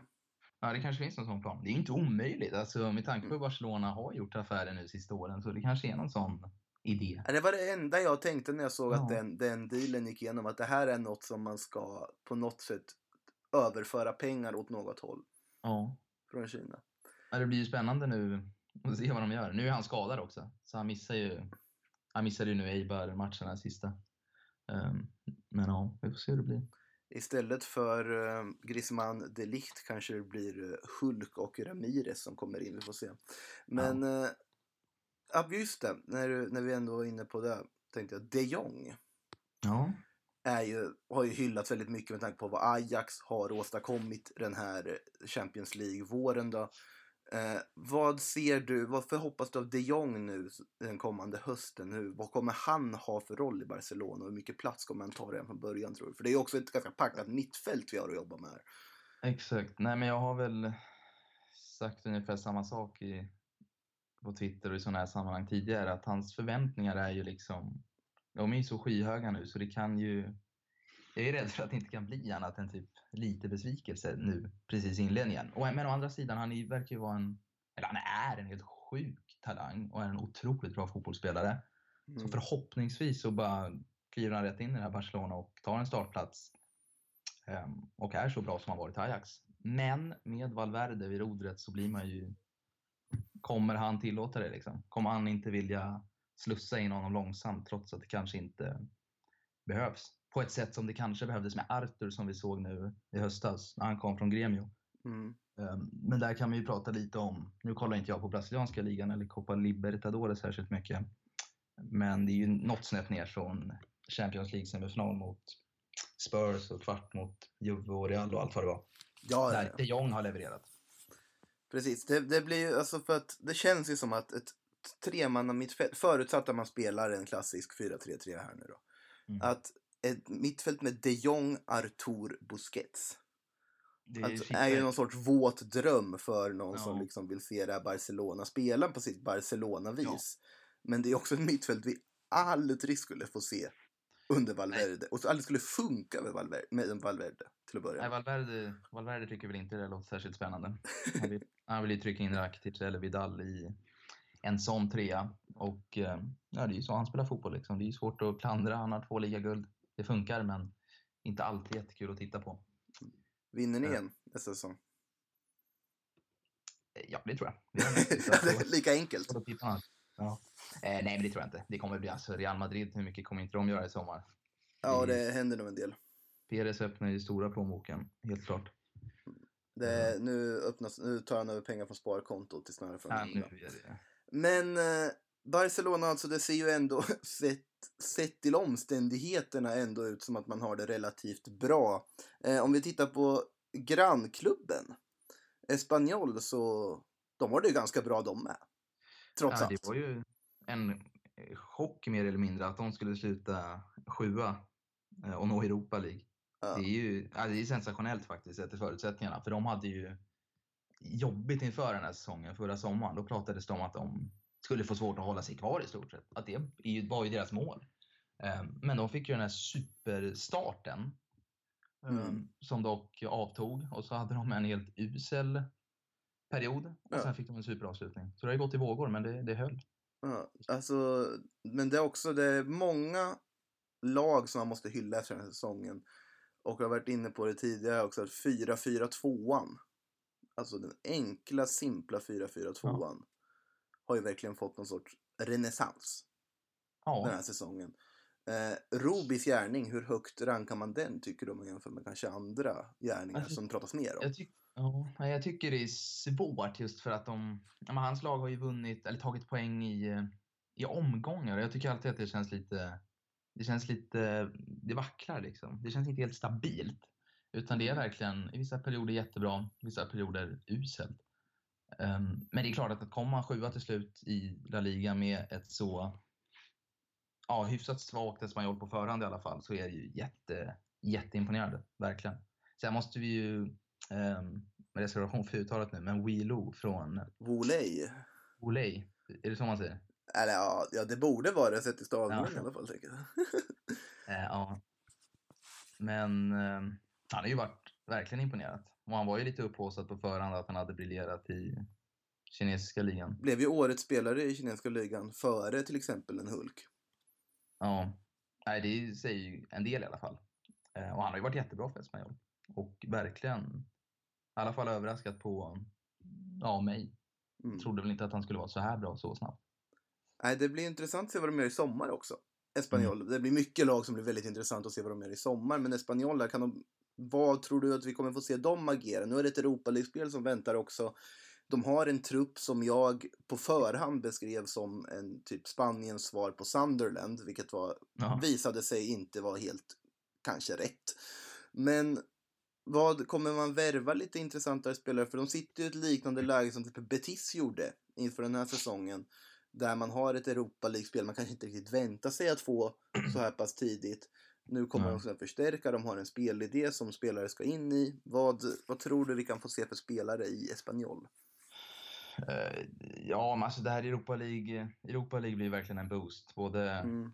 ja, speciellt ekonomiskt. Det är ju pengar för dem liksom som inte har superfinanser som många andra. Många klubbar sitter i samma position i Spanien. Liksom, att det finns ju inte jättemycket att jobba med. Mm. Ehm, men det är klart att de borde... De får ju kolla inhemskt mycket tror jag. Det finns ju så otroligt mycket bra fotbollsspelare i, i La Liga. Ja. Ehm, lag som hamnade längre ner i serien och som absolut är sugna på att spela i Europa League med Espanyol. Det är ju självklart. Det kanske till exempel en eh, paketdeal på Christian Stuani och eh, vad heter han? Nu står det ju helt still i huvudet. Det precis det. Porto. Porto, exakt. Ja, Ja. för de ligger ju på en... Jag läste det att deras utköpsklausuler nu när de har åkt ur Girona då, som de lirar i, Mm. ligger ju på 17 miljoner euro i ett paketpris. Och det låter ju som en fantastisk deal för de två spelarna. Eh, Girona är det vi kommer till med andra ord där. Ja. Tuff säsong.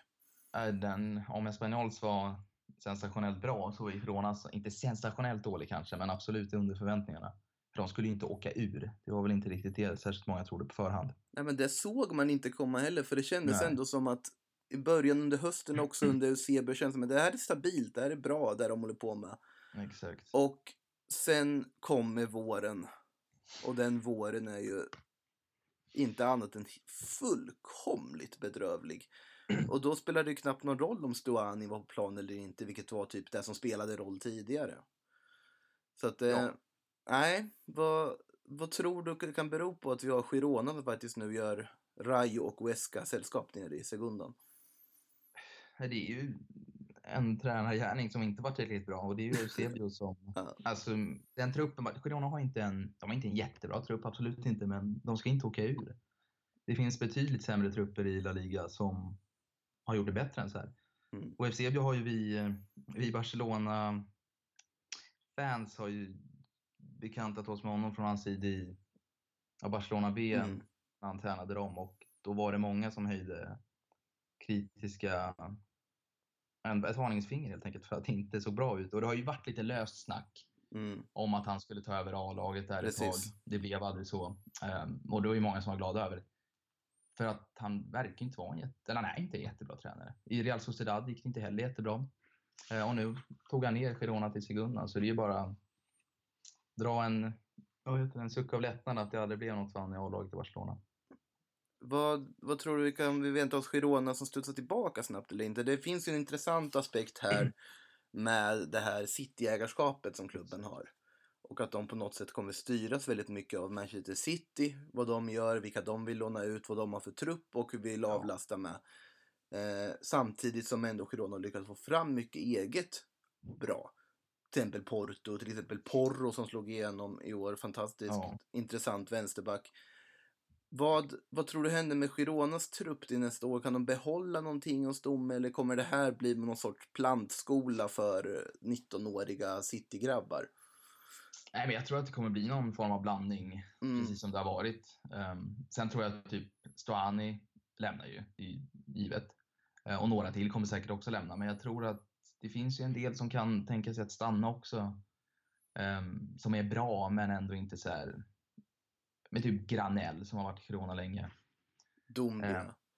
Eh, ja, där vet man. Det har andra sagt någonting. Ja. Men jag tror de får behålla en hel del också. Mm. Och med tanke på det här City-samarbetet och att de är med i det här City Football Group eller vad det heter. Mm. Så tror jag att det ligger liksom i deras angelägenhet att ha upp dem igen så snabbt som möjligt. Mm. Nej, det blir inte... Vad tror du Stuani kan hamna då? Vilka La Liga-klubbar skulle kunna vara intresserade där? Ja, vad kan man tänka sig? Uh, Bettis letar ju forward. Ja, de ska väl inte spela den där typen av fotboll något mer ändå? Så att, Nej. eh, kanske inte, så de behöver väl några centertankar beroende på vem de får in. Exakt. Eh, men vad kan man tänka sig mer? Uh, Getafe ska ju spela i Europa. Mm. Eh, de har ju dock bra forwards med Molina, Mata. Angelia, så där känns ju Ja. inte som att det är aktuellt. Nej, precis. det men Stuani borde ju lämna, Porto borde ju vara samma sak, Pedro Ja. Porro borde också vara samma sak. Så att, eh, Det finns några som kommer se sig om. Helt Mm. klart. gott. Eh, Det blir ju ingen eh, match i USA i alla fall nu när Girona åker ur. Nej, man får hoppas att det Alltid något. andra håll också. Ja, nej. Skämt åsido. Men det är alltså det som har hänt i Katalonien. Vi har ett Espanyol som kan vara väldigt glad över sin säsong, må så vara svajigt. Girona som svajade till i början, men inte alls kan vara nöjda i slutändan. Och ett Barcelona som är bortskämt besvikna kan man väl på något sätt säga, även om man ändå vinner ligan och kanske cup. Ja, en bra summering faktiskt. Skulle bara sagt det från början istället så hade vi besparat lyssnarna i en halvtimme snack. Skämt åsido, jättekul Marcus att du ville bryta in här och delge din kunskap. Och vi rör oss vidare i landet.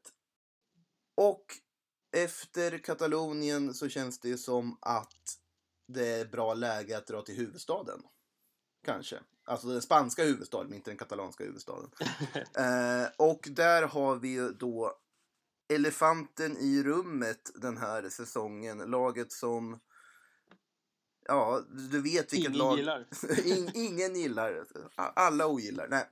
Men som du vet vilket lag vi pratar om, ett lag som vi går ganska snabbt egentligen att analysera åtminstone i termer positivt eller negativt hur den här säsongen har varit och det är ju Real Madrid.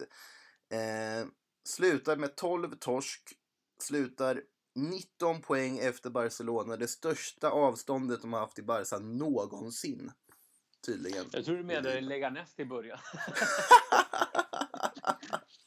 Nej, Super Pepino får vi faktiskt hjälp med sen, ska tilläggas. Ja. Men Real Madrid här i alla fall, där sitter vi nu. Vad säger man? Alltså det är, på något sätt finns det ju en med så här efterklokhet så finns det en logik i det som har hänt under den här säsongen.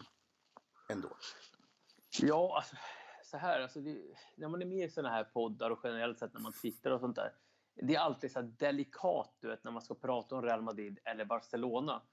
eh, för att liksom, de, deras anhängare här i Sverige är ju så jäkla heta. Liksom. Alltså, det blir så personligt varje gång man säger någonting och man är, och man är kritisk mot någon spelare och sånt där. Och, och, och så liksom. så att, men, men vi ska försöka ge oss på ödmjukt ge oss på eh, Real Madrid här. Ja, jag kan ta fram sågen om du vill, det är inga problem. Nej, det, det, alltså det, eh, det, alltså det tror jag liksom alla någonstans är med Ja. Alltså en klubb liksom har Real Madrids dignitet med 12 förluster.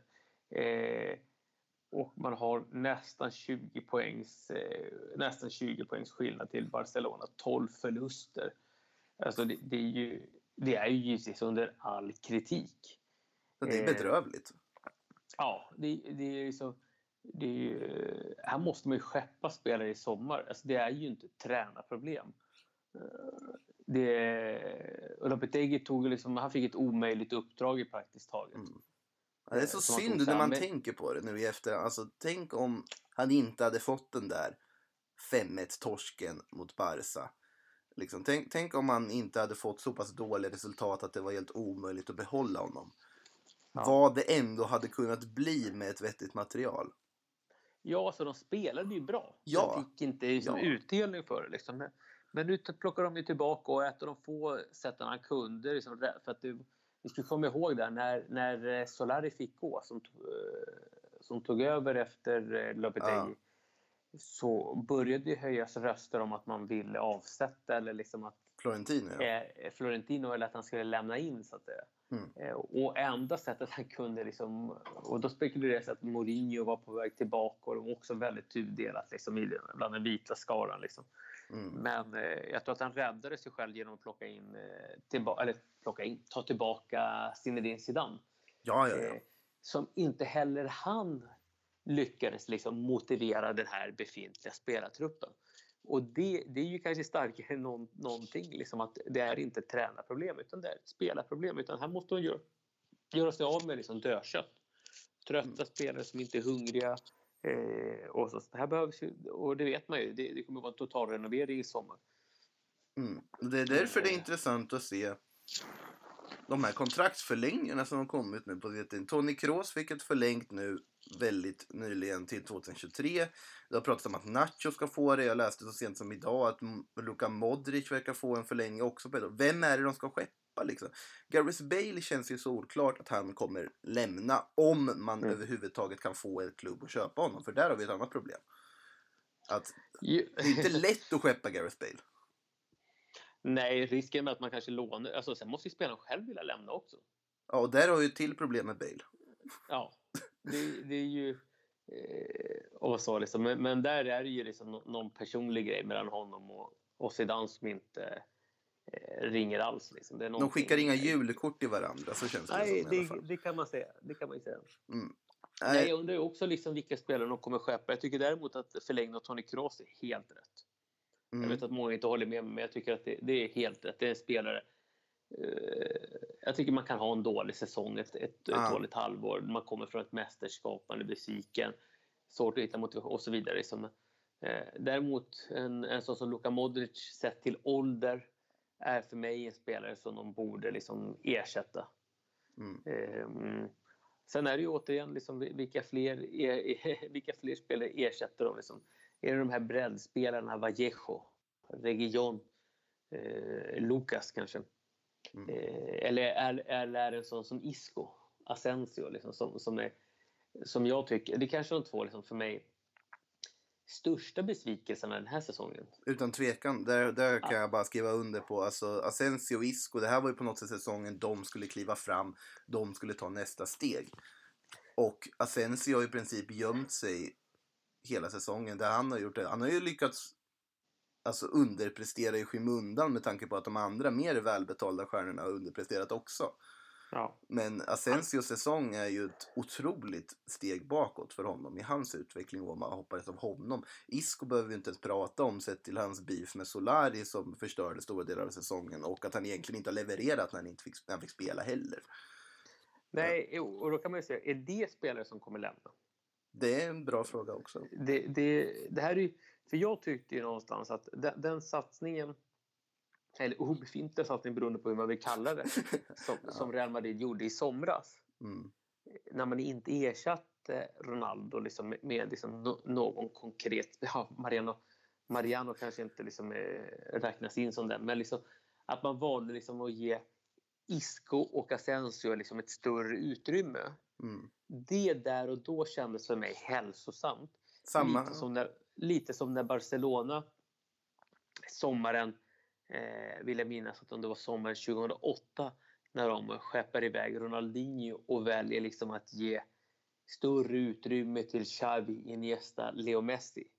Det gick ju bra. Ja, det gick ju bra liksom. onekligen. Liksom. Men då tänkte jag att det här var ju liksom hälsosamt. Men Mm. de har ju inte levererat alls. Liksom. Och, och där tycker jag att det, ska, det finns ett stort frågetecken kring de här två spelarna. Och då är det så här, fan, har man blivit, har man blivit lurad av... Eh, Asensios vänsterfot. Ja, och liksom att han gör de här målen, liksom så här, drömmålen. Mm. Eh, alltså det, det är ungefär som att, att gå ut på krogen liksom. Och liksom stå och limma på en supersnygg brud och sen, liksom, sen, sen åker sminket av så är det inte så jävla bra längre. Alltså, förstår du? Liksom, det, det är liksom en enorm besvikelse. Liksom. Jag, är- det, för mig råder det stora frågetecken. Jag vill se liksom en Isco liksom dra, bära sitt lag. Liksom. Men jag undrar om han klarar av det. Nej, det- alltså, i landslaget så är han ju... Ja, ibland. Ja. ibland är han fantastisk i landslaget och det är där folk ser. Det är de här landslagshighlightsen som gör att du har även folk som inte i La Liga som men får inte Isco spela? Isco Mm. det är som slöseri på kvalitet. Men Isco har ju faktiskt inte levererat när han fått spela. Han har ju visat gång på gång på gång att han inte kan bära ett Real Madrid. Han har ju haft chansen Mm. förr att göra det. Ja, och det är det som skiljer, eh, nu är det kanske en tuff rangordning, med världsklasspelare med mediokra spelare. Att vara bra i enstaka matcher under säsongen, visserligen om det gäller mycket, ja fine. Men att vara bra över en längre period och kunna dra ditt lag när de behöver det, då pratar vi. Då finns det någonting speciellt i de spelen. Eh, Isco för mig fortfarande, eh, det bästa jag har sett av honom, det är när han var i Malaga. Det är ett tag sedan det tar sen. Mm. Eh, och liksom, och det kanske, jag kanske är för hård mot honom. Liksom. Men, men jag tycker liksom att när Ronaldo försvann, det där är två spelare som eh, var tvungna att steppa upp. Och det gjorde de inte. Och, och eh, det är kanske där de hitt- letar efter ersättare. Liksom. Mm. För Alltså- i slutet av dagen så är han ju liksom, Isco är ju svårplacerad på ett sätt. Liksom. För att, eh, någonstans när, när Real Madrid var som bäst eh, och man behövde få plats med honom, då tog man in honom liksom i en 10-roll. Liksom. Mm. Man tog bort ena kanten, spelade 4-4-2 med diamanter i mitten. Eh, och det är väl där, liksom, alltså på ett centralt innermittfält med en balansspelare bakom så petar han ju i vanliga fall inte Modric och Kroos. Nej. Alltså om vi pratar om spelare som ändå steppat upp, om vi ska hitta någonting positivt i den här miserabla Real Madrid-säsongen så måste ändå Karim Benzema lyftas. För han har ju faktiskt tagit alltså facklan, åtminstone Mm. under våren, och visat kanske vilken världsklasspelare han är. På sättet han, med den här handskadan, han sket i den, han lindade om handen och så bara gick han ut och levererade. Mm. Och det att han är den enda målskytten Real Madrid hade under hela april månad. Det säger oerhört mycket om Karim Benzema. Om vad han, Mm. hur han kliver fram. Men det säger också oerhört mycket om hur lite andra spelare har klivit fram.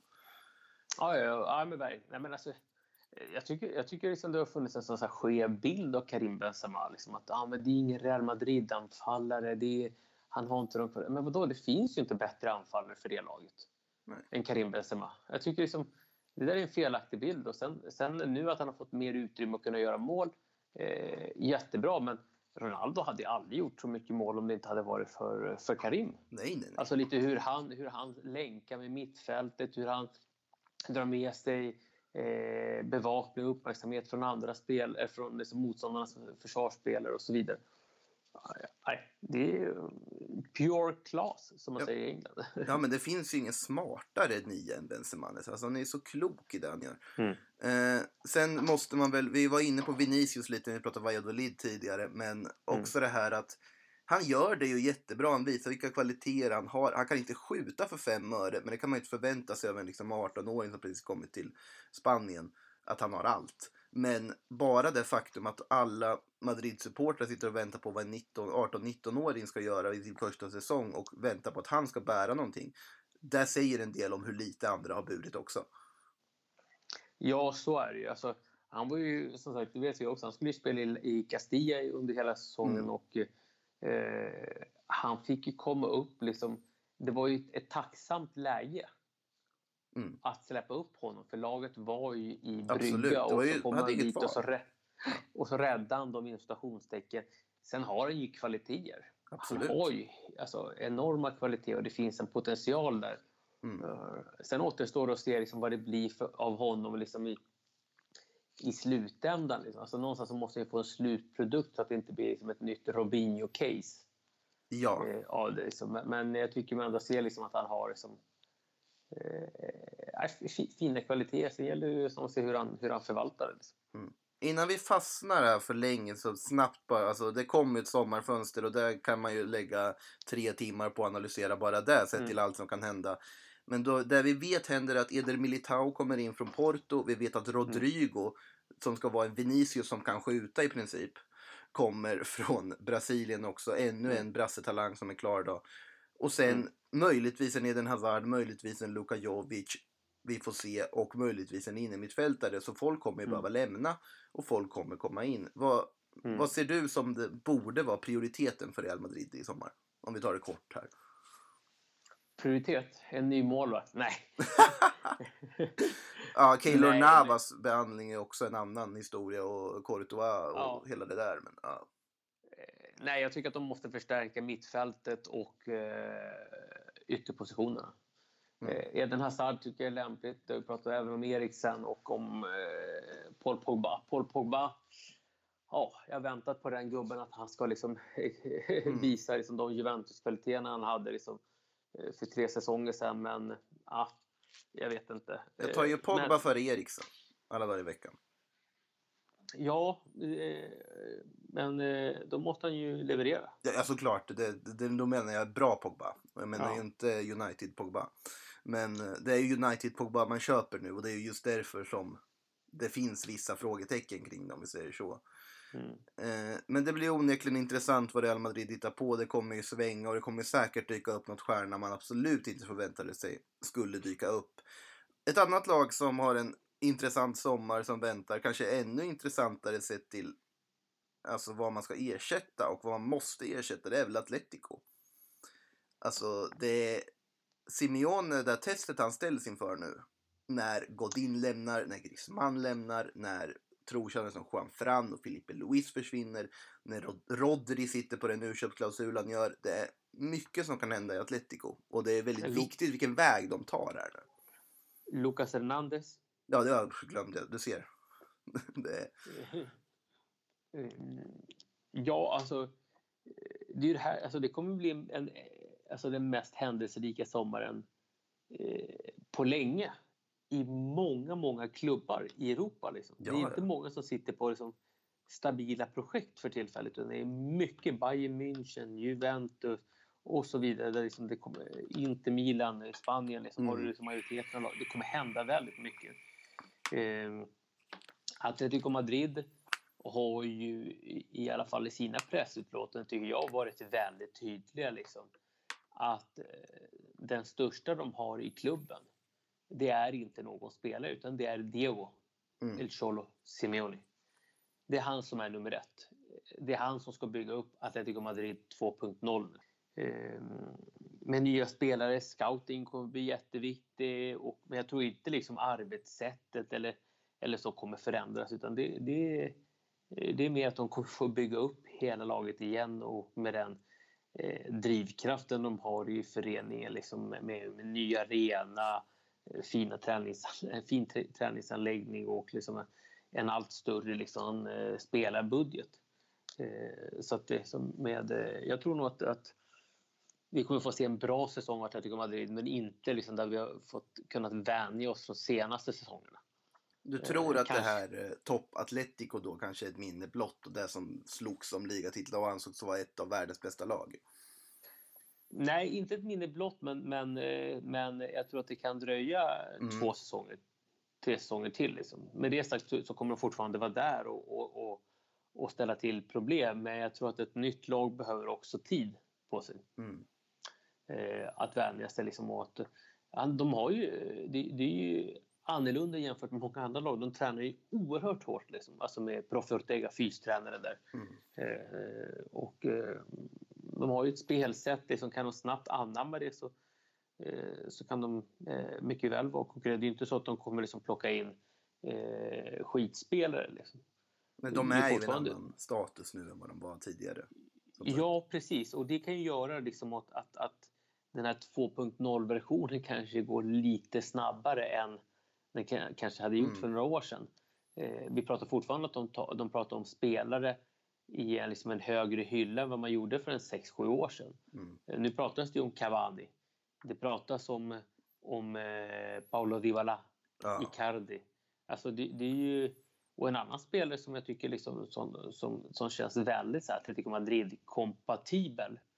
Det är ju en sån som Stuani i Girona. Som ett komplement då eller? Ja, ja, ja precis. Mm. Som en tredje anfallare och så vidare. Faktiskt. Så det, känns, det, känns, det känns inte alls som ett dumt val. Samtidigt så måste de väl ta något små beslut hur de gör med Morata. Diego mm. Costa, vad är han på i, i för humör? Och så vidare. Men, men eh, framåt, de har ju alltid haft bra anfallare. Utan nyckeln blir ju liksom hur ersätter man Diego Godin? Hur löser man liksom upp det ramstarka försvaret? Är Jiménez den mannen? Liksom? Eller behöver han fortfarande ha en pappa bredvid sig som kan, mm. som kan dra det här? Liksom en ledare bredvid sig. Eh, det tror jag nästan mer på för han känns lite för eh, vad ska jag säga, fortfarande lite för mycket sydamerikanskt. Det här stöta, bryta, lite för liksom...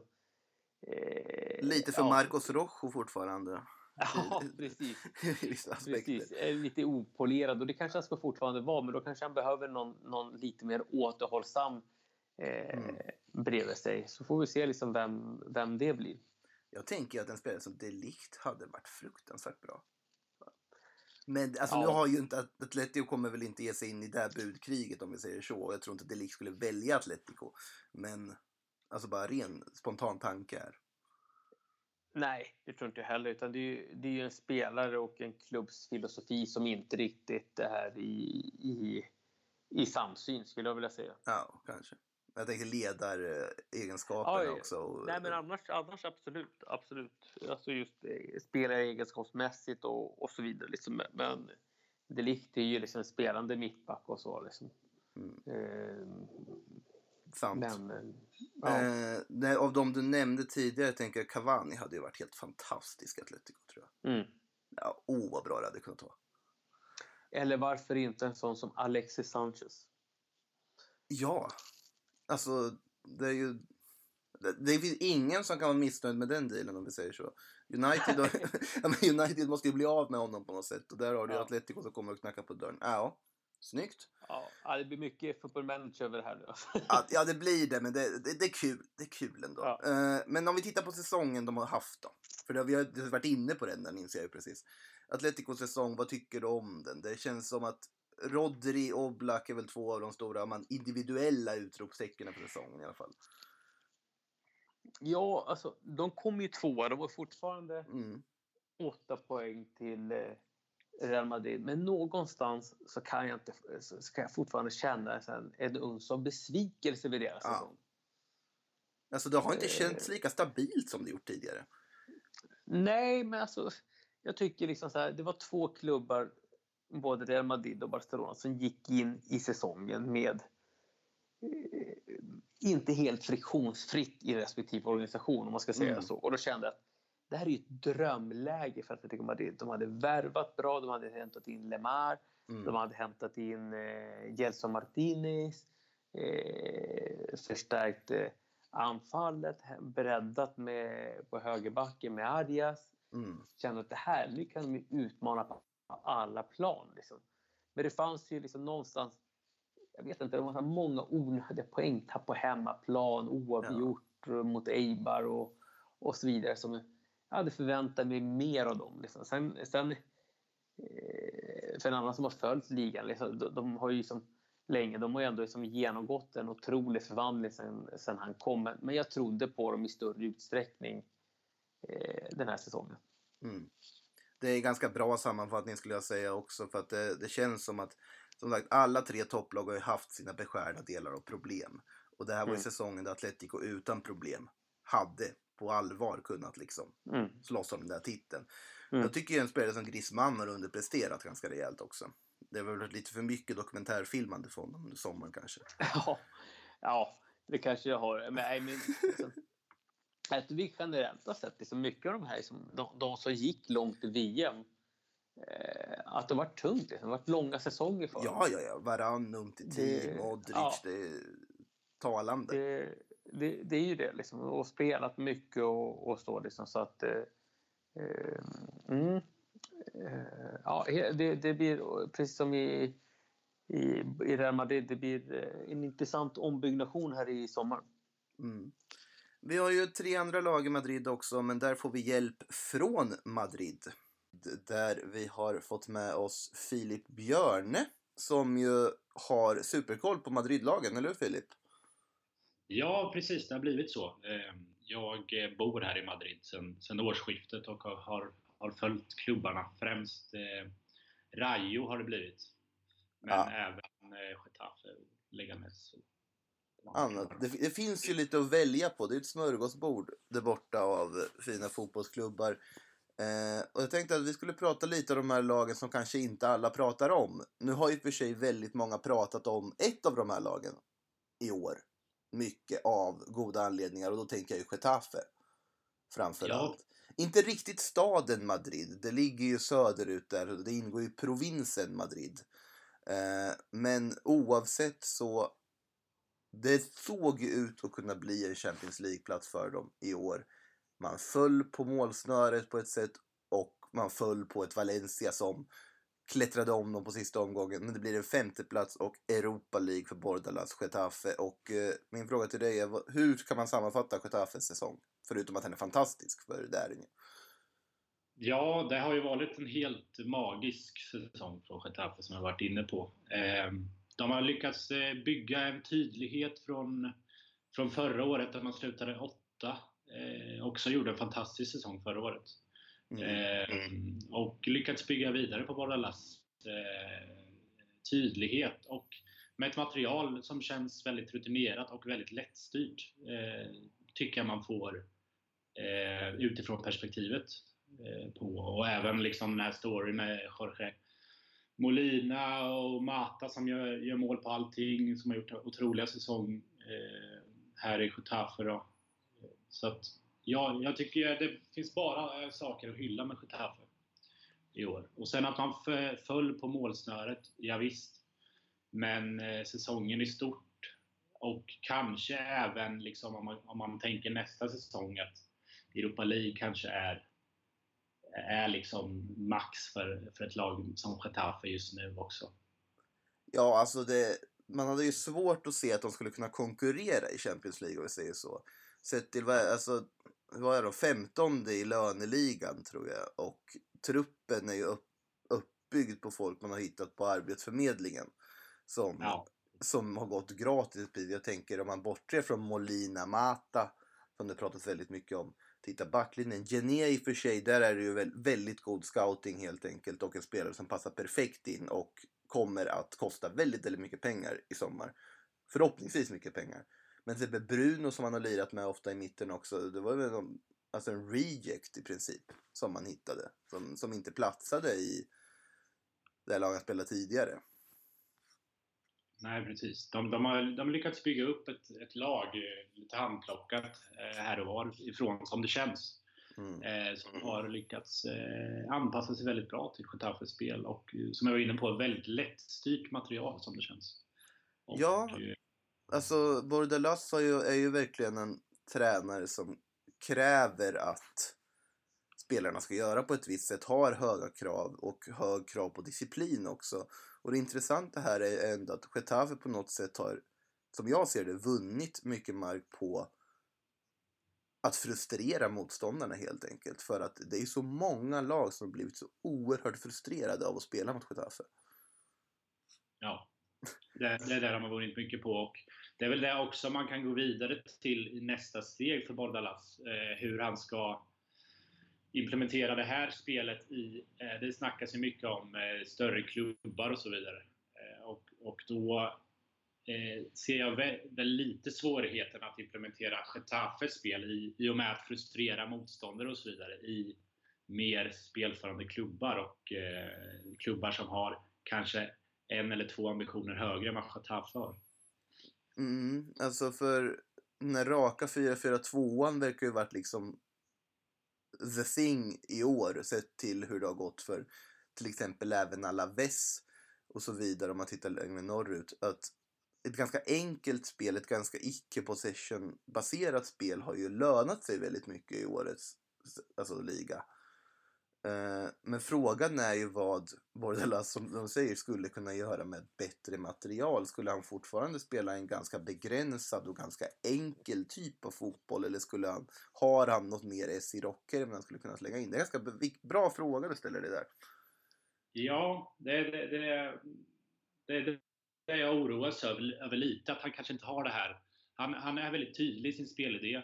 Han har jobbat med ett material som är tydligt. Han, eh, han experimenterar inte ofta. Han har en satt elva. Hur, hur gör man det i en annan klubb? I en annan klubb som har mer ambitioner och ska spela ut sin motståndare på ett annat sätt än Getafe. Det är väl mina stora liksom, frågetecken kring, Bordalas. Mm. Mm. Eh, så, men i alla fall, Getafe alltså slutar ju femma här i ligan. Om vi bortser från Mata, Molin, de vi har nämnt, någon annan spelare tycker man ska lyfta. Jag tänker Damian Suarez än.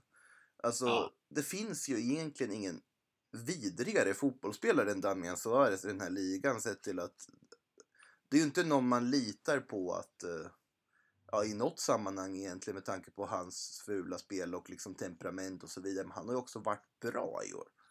Inte ja, bara. Bordalas har verkligen lyckats få den bra delen av Okej, okay, han började svinga mot ordningsvakter efter den där Valencia Cup-matchen. Som var ju helt bizarr. Men i övrigt så, förutom det kaoset som har ändå varit någorlunda ordnade måste vara att det kommer ett rött kort här och där för några av spelarna.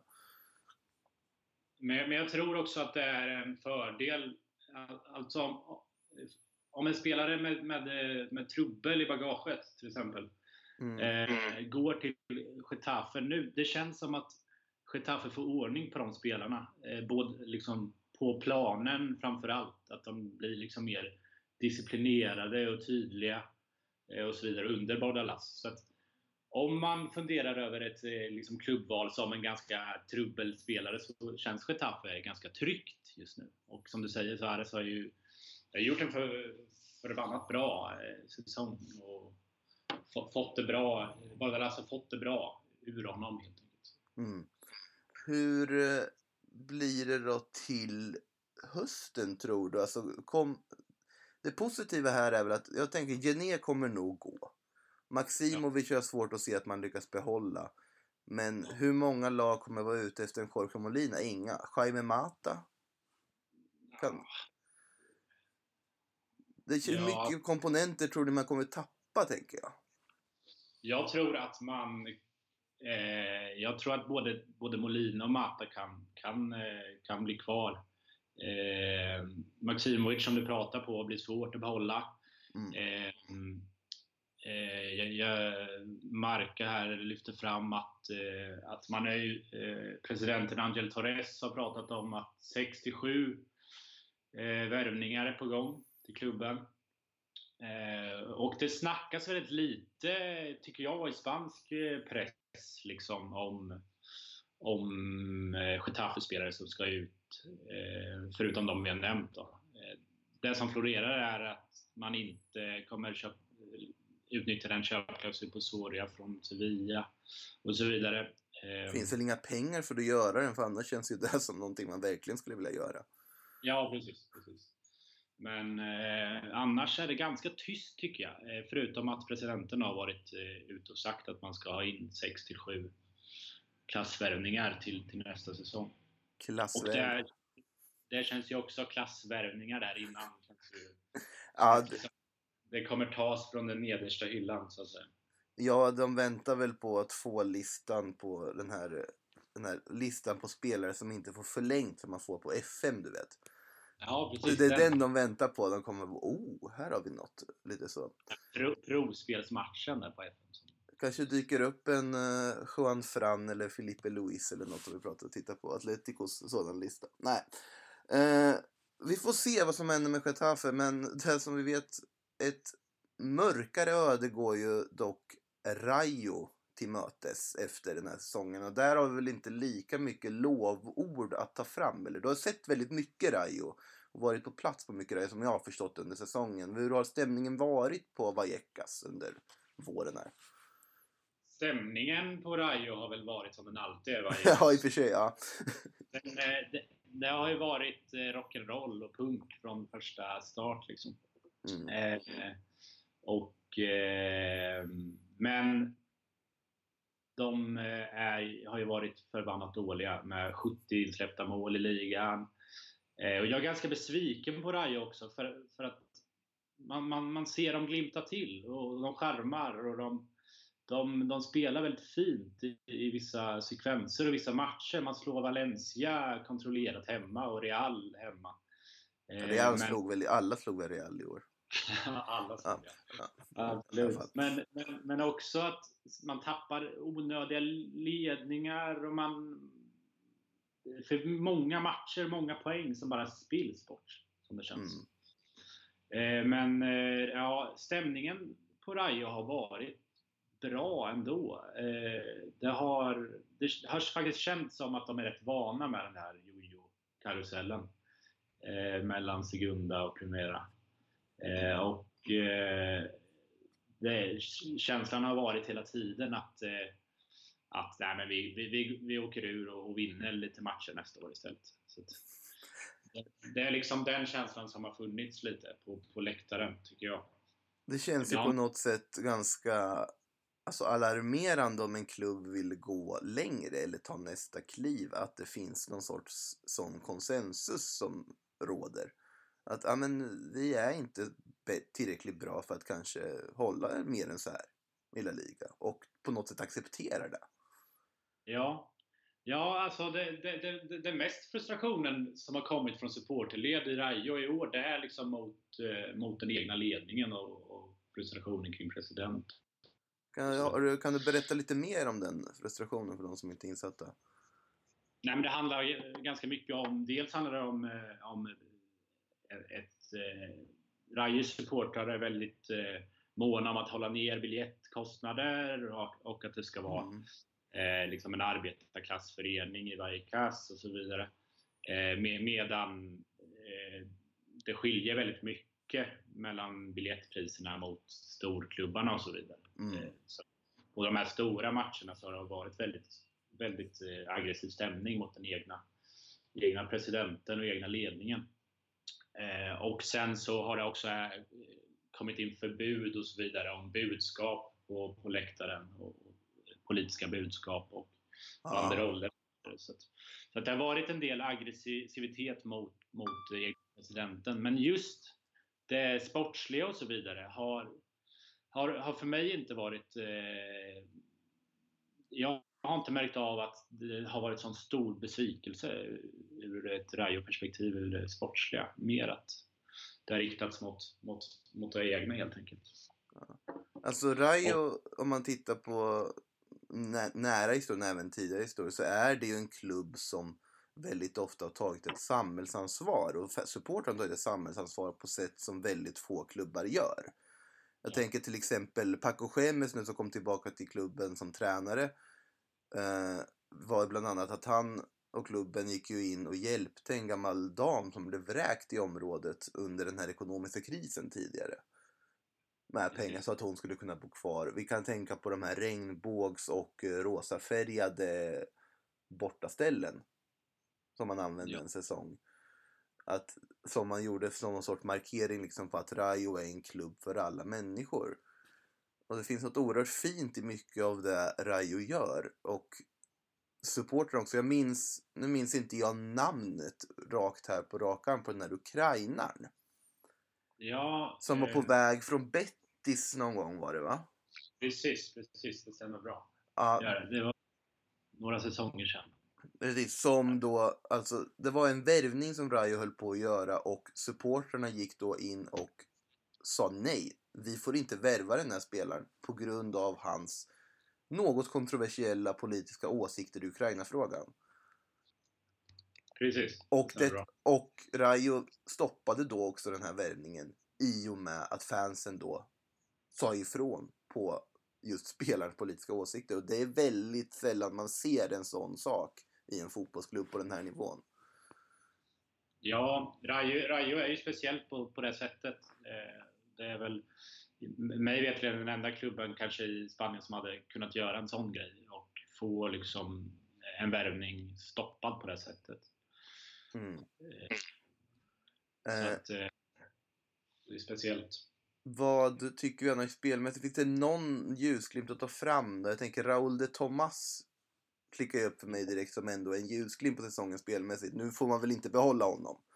Garanterat Nej. inte ner i sekundan. Men eh, är hypen rättfärdiga tycker du på Raúl de Tomas? För det har varit ganska mycket hype ändå. Ja, men hypen är helt klart rättfärdig tycker jag. Det är, Ja. det är en spelare som, det är en spelare som, som eh, man märker en nivå över, över det andra i Rayo. Helt klart.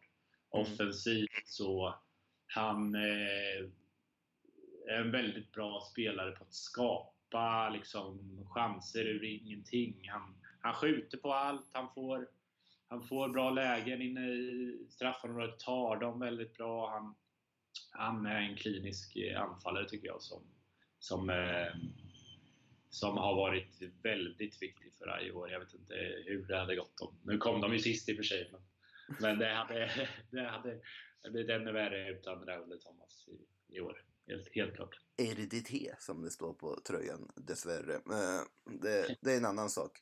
Någon annan spelare du tror som... Nu, nu åker ju Rayo som sagt ner. Man kommer sist i La Liga efter att Uesca vaknade till liv lite och var väl ganska tidigt i den här bottenstriden ganska avsågat. Helt enkelt. Hur... Vilka spelare ska man titta på från andra klubbar i det här läget? För det känns ju som att det finns ändå lite potential och bra lirare att hämta från Rayo nu när de åker ner. Förutom Ja. Raúl Tomas då. Ja, jag har blivit charmad av, eh, av, av den lille José Angel Pozo på, på mittfältet. Mm. Eh, eh, tycker jag är eh, väldigt bra fotbollsspelare. Han har, han har kvicka fötter, han har bra driv. Eh, han, eh, han gör någonting hela tiden med bollen eh, som, som får mig att... Det är väl det jag tycker att Rayo eh, eventuellt saknar, förutom en helt obefintlig defensiv. Så, Ja men det så, sitter ju i väggarna.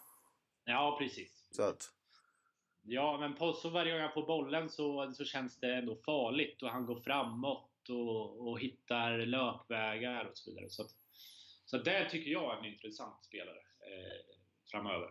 mm. eh, jag måste fråga, Luis Advincula kom ju in Ja. inför säsongen. Det är en spelare som jag med, som har följt peruansk fotboll lite, såg väldigt mycket fram emot att få se La Liga och framförallt få se Rayo. Han som kallas världens snabbaste fotbollsspelare. Högerbacken. Har han visat det? Tycker du? Eh, nej, det, det, det, det kan jag inte påstå att han har visat. Eh, men han fick det lite svårt med eh, omställningen från eh, Paco Gemes. Ah, när det Eh, blev Paco som kom in där då? Eller? Ja, precis, precis. Man bytte ju tränare där från, från den väldigt omtyckta Michel till, till Paco Schemes som är, som är en väldigt eh, galen personlighet. och Fast som- omtyckt ändå väl? Han är väldigt omtyckt. Han är väldigt omtyckt, men han lämnade ju Rayo lite känsligt förra gången. Mm. Eh, gjorde han. Så att han är omtyckt på grund av sin personlighet och att han brinner för, för, eh, för Rayo och, och liksom eh, är lite galen och off, väldigt offensiv och så vidare. Mm. Men han eh, lämnade under lite kontroversiella scener för Granada Mm. förra sessionen. Han började också på lite minus bland, bland de allra Ah. mest satta Penjas-grupperna. Men, men han, Adenkula, eh, fick inte riktigt till det under Paco Schemes. Han fick något rött kort där i början av, eh, av Paco Schemes session. Så att, eh, och sen blev han lite bänkad. Mm. Så att eh, han har inte riktigt eh, visat upp den, eh, den snabbheten och den eh, där, där man kanske förväntar sig. Jag förstår. Eh, nåväl, eh, Rayo alltså får se om Advincula hänger med dem ner i segundan som det då blir. Några som inte åker ner i segundan är ju Superpepinon, gurksuperhjälten och hans Leganes. För de, det är ju alltså det tredje laget vi har då i Madridområdet Förutom Atletica och Real Madrid ska ju tilläggas här, men de vet ni ju. Eh, Leganes superfin vår måste man ju säga. Jag trodde ju inte på dem inför den här säsongen. Men där känns det som att man ändå lite i skymundan prickat väldigt rätt under våren. Eller vad säger du? Ja, jag, jag, jag, jag är helt med på det. Jag, jag trodde verkligen inte på Leganes. Eh, Mm. Jag trodde de skulle få svårt också att, att eh, när de förlorade Gar Garitano eh, till Sociedad så trodde jag att de skulle få det ganska svårt för att man har aldrig sett dem på, eh, i den här, på den här nivån utan Garitano. Eh, och eh, när, när en sån liksom ikon eller en trän, tränare som har varit med så länge i en sån klubb försvinner så blir det lite, lite svårt att se Leganes utan dem. Men eh, Pellegrino eh, och liksom klubbens ambitioner har ly- har lyckats klockrent och en trettonde plats är ju är den bästa, bä- bästa placeringen för Leganes någonsin. Så att, eh, det är ju en eh, fantastisk prestation av dem. I skymundan som du säger också. Det är Mm. ingen som pratar om Leganes, men de har gjort det fantastiskt bra. Jag vet att eh, någon som har lyst där ganska mycket är ju Oscar Rodriguez som ju är på lån från Real Madrid. Nu hade de också Andriy Lunin som kanske pratats mer om, ukrainska målvakten. Han har ju blivit petad för den mer rutinerade Pichi Cuellar stor, största delen av säsongen helt enkelt. Men Oscar Rodriguez däremot, som man inte visste lika mycket om, har ju blivit en ganska viktig del av det här laget. Ja, absolut. Eh, det, har han det har han blivit. Eh, och gjort det som alla andra mycket bra. Eh, och nu, eh, nu, nu, nu, nu pratas det väl om att man, man vill köpa loss Lunin också. Eh, eller, eller, eller Och- låna. åtminstone förlänga lånet som jag har förstått det. Det är väl Real Madrid tveksamma till sett till speltiden han har fått. Däremot Ja. så läste jag att Regilon är ju på en låneradar för Ja, Leganes och det hade ju varit fantastiskt för du spela Nyom där till vänsterbacken eller om det är höger. Det är ju, det är ju en, vad heter det, risk varenda match höll jag på att säga som med tanke på de röda korten han kan få för sig att ta. Eh, men i alla fall, så det, det hade ju varit en superförstärkning. absolut. Men eh, ja, Leganes är ju, som jag har varit inne på, det känns som att, att de är en ganska låneberoende klubb. Eh, det är många spelare som sitter på, på liksom utgående kontrakt nu och det, det, det kommer behövas byggas om och för, förlänga kontrakt som vi är inne på med Lunin och, och så vidare. Så det blir den, ovisst, allt, som alltid för, för en sån klubb som är väldigt låneberoende. Mm. Eh, Så det är svårt att säga liksom, kring framtid kring Leganes tycker jag. Eh, Men helt klart en, en mycket väl godkänd eh, placering i år. Och Absolut. år. De har ju prickat rätt också med de här lånen och de här kort, kanske kortsiktiga liksom, värvningar man har gjort. Jag tänker Martin Braithwaite som kom in, dansken. Vilken succévärvning. Succévintervärvning verkligen. Kommer in och gör sånt intryck som han har gjort Ja. på anfallet. Vi har ju, minst, för de som följer Liverpool kanske man minns Nabil El Sar, den gamle profilen. Han har hunnit fylla 32 nu, men gör det jättebra i Leganes. Och nu med sin marockanske, mycket yngre kollega Enesri också. Enesiri, kanske man ska uttala det, på topp där också. Så det finns mycket intressant i det här laget när man letar runt och tittar lite. Ja, så är det absolut. Det är en eh, intressant... Eh, Leganes är intressanta och eh, har varit det i år. Eh, och som du säger, Broadfight det prickar man ju klockrent eh, i och med den här åren som han har gjort. Så att, eh, Ja. Det, det är väl smart eh, utifrån vad eh, Leganes som klubb kan göra. Att pricka rätt på de här kort, korta lånen helt enkelt. Men det kan man ju säga sammanfattningsvis då, så vi har två klubbar som hänger utanför själva staden Madrid, men i provinsen Madrid och båda har sina begränsningar utifrån det, men har ändå gjort det väldigt bra utifrån sina begränsningar. Och så har vi ett lag som hänger i Vallecas som inte gjort det bra, men ändå är ganska nöjda med fotbollsmässiga tillvaron åtminstone. Det är väl det man kan sammanfatta det som. Det är väl det man kan sammanfatta det som. Och, eh, man, man är väldigt imponerad av både alltså, grannklubbarna Getafe och Leganes. Eh, Mm. Att de gör det båda två så pass bra som, som de har gjort det. Precis. Eh, och sen har vi då sorgebarnet eh, Rayo då, som, som eh, ändå är vana med Segunda-spel och som, eh, som eh, gnetar på i Segunda nästa år, tror jag. Och jag, jag, jag tror att de kan med, med Pacos fotboll kan de nog skärma Segunda och komma tillbaka igen. Det, det tror jag absolut. Blir ju derbyn också mot uh, Rayo Majadahonda. Precis. Bara en sån sak. Ses vi då på Vallecas för Segunda i höst? Då ses vi på kortsidan. Härligt. Du, jättekul att du ville ta dig tid och berätta läget i Madrid. Vi hörs av Det framöver. gör vi. Stort tack så mycket.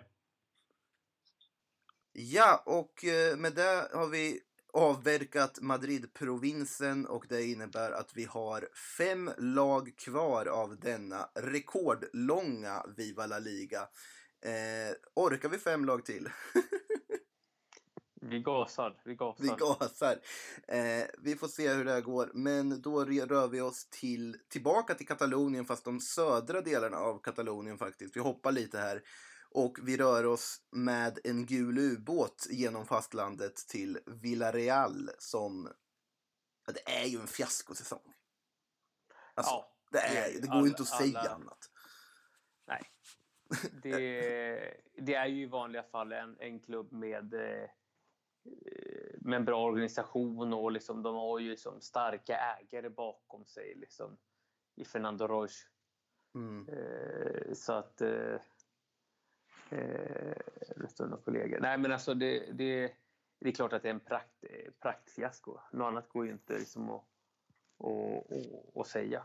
Det, men man trodde ju och hoppades någonstans med, i och med Casorlas, eh, Casorlas eh, eh, comeback i klubben och på det sättet de presenterar honom att, att eh, eh, de skulle vara med och slåss om Europa League-platserna.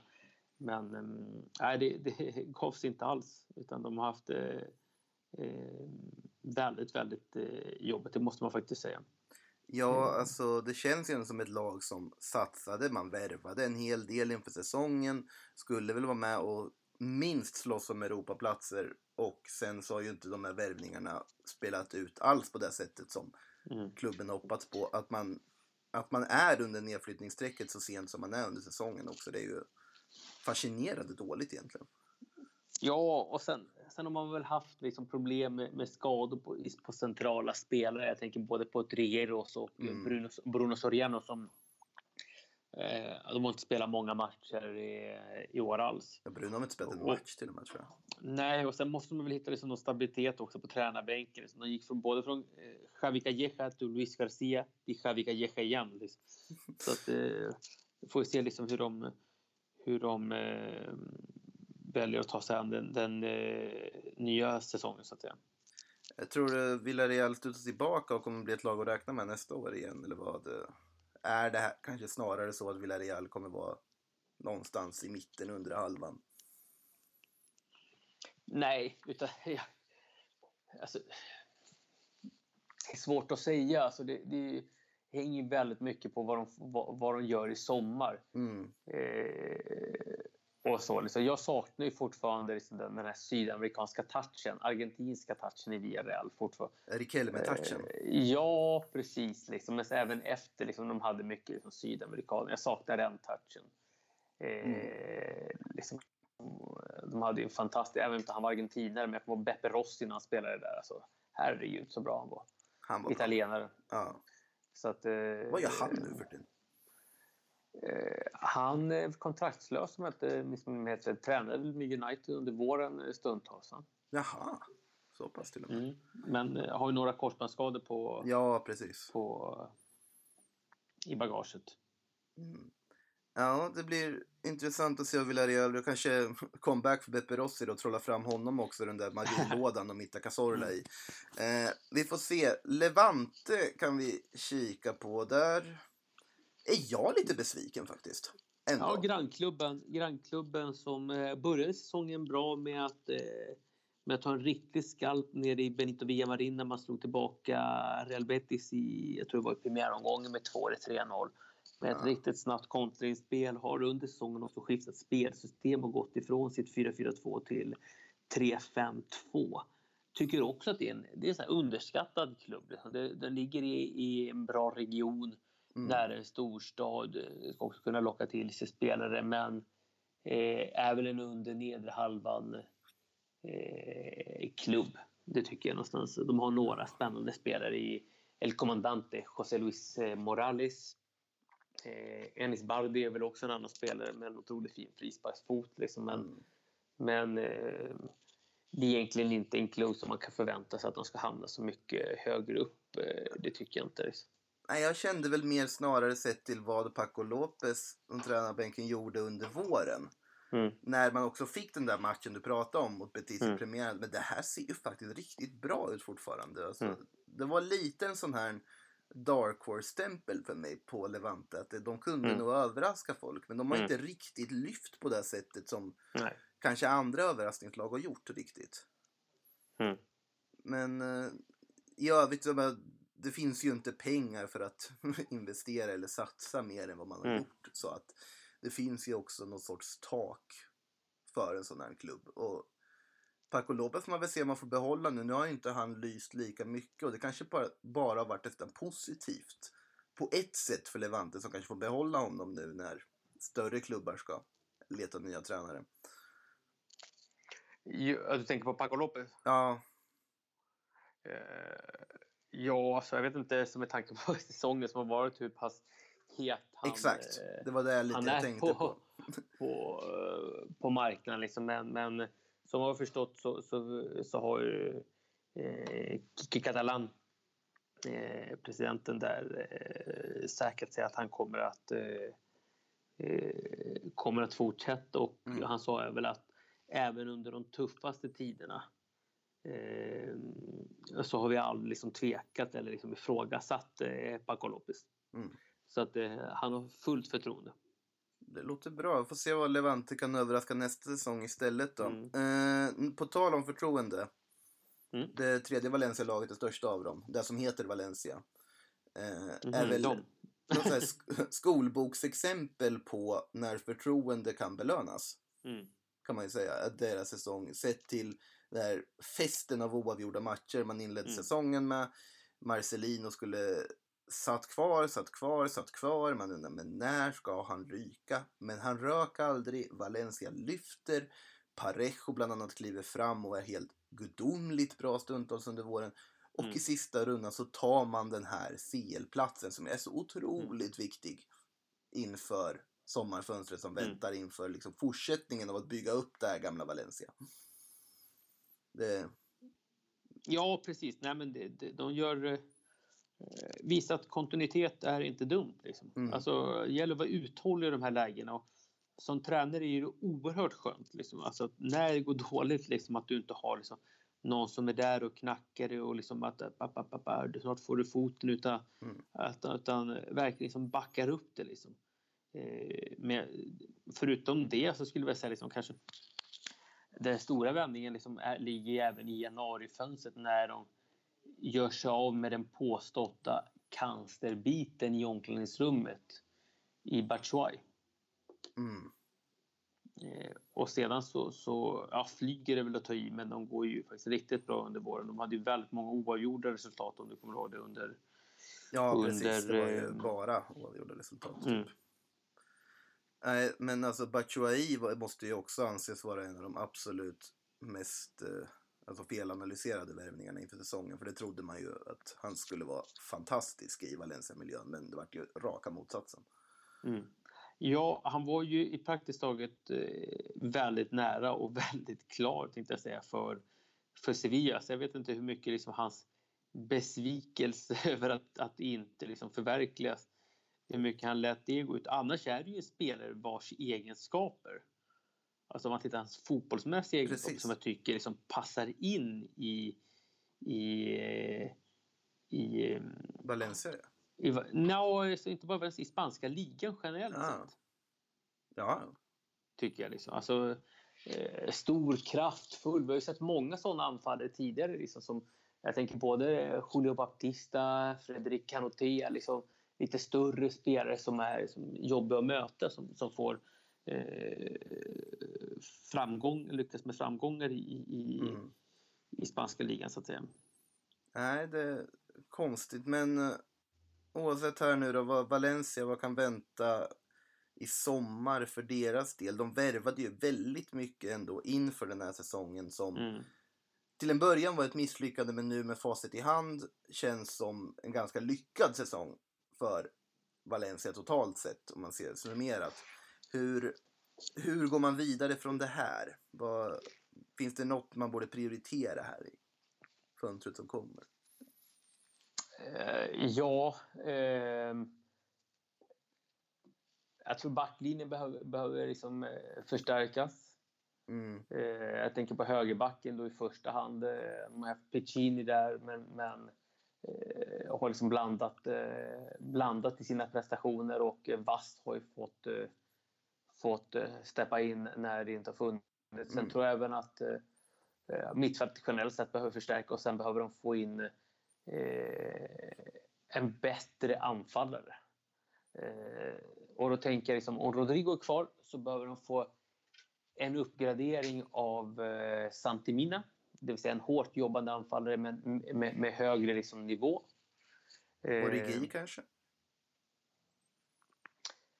ja, kanske. det, det, Många verkar höja honom till skyarna här, liksom, men, men fan, han har ju knappt spelat i år. Men det är klart, kanske en sån, kanske en sån, eh, kanske en sån spelare. Liksom. Och mm. sedan... Eh, och sen försvinner Rodrigo, då behöver man kanske ersätta honom. Men, mm. men nu tror jag också, i och med att de spelar Champions League nästa säsong, så kan de också plocka spelare från en annan hylla. Så är det ju. Kanske de inte behöver plocka från ja. Origi-hyllan. Nej, de kan plocka från Benteke-hyllan istället. Ja, den, den är fin. Nej, men det blir intressant att se också där att Peter Lim verkar verkligen ha vunnit någon sorts förtroende här liksom i mm. det här sättet han har hanterat med Marcelino och mm. så vidare. Att det här är faktiskt ett långsiktigt bygge Valencia har. Det här är faktiskt mm. någonting som det finns en framtidstro i. På något mm. sätt. Nu, nu vet jag, jag tänkte när du nämnde högerbacken så satt jag och bara tänkte på Miguel. Alltså det är en spelare jag saknar. Vad, vad fin han var. Nu, nu är det långt tillbaka i tiden men det blir lite nostalgiskt. Då, då, ska, då ska jag säga, om man ska bli riktigt nostalgisk, då ska jag gå ännu längre tillbaka i tiden. När vi pratar ytterbackar i, i Valencia. Då tänker jag på Curro Torres. Men oh. innan Curro Torres så var det Angloma. Angloma. Angloma. Just det, just det. Eh. Nej, det var under Ayala och tiden där med Hector Cooper. Jajamän. Ja, du, och det ska tilläggas att då hade de samma vänsterback under flera årsperioder och det var ingen mindre än Amadeo Carboni. Just det, Carboni ja. Mycket äh, spelare. Det är nostalgiskt. Det var riktigt, finns många fina Valencia-namn man kan slänga fram sådär. Får se om de hittar några nya namn som vi kan om 20 år, så om mot all förmodan en podd fortfarande skulle existera här då, att vi sitter och minns tillbaka på. Eh, vidare då, ska vi, ska vi ta, vad heter det, Andalusien då, för det är ju det som vi har kvar här. Mm. Eh, om min lista jag gjorde inför det här avsnittet stämmer så ska vi inte ha missat något lag. Det hade varit väldigt tråkigt för det här laget. Men så vitt jag vet så är det fortfarande 20 lag i La Liga och den här listan säger 20. Så att det ska bara vara två lag kvar och det är ju inte vilka lag som helst. Eh, Sevilla kan vi väl ta först, tänker jag. Får en Europa League-plats här. Slogs ju länge i toppen. Vi gjort en ganska bra säsong sett till omständigheterna, eller? Med liksom tränarbyten och kaos. Jag vet Ja. inte riktigt. Du sammanfatt... Svår att sammanfatta tycker jag.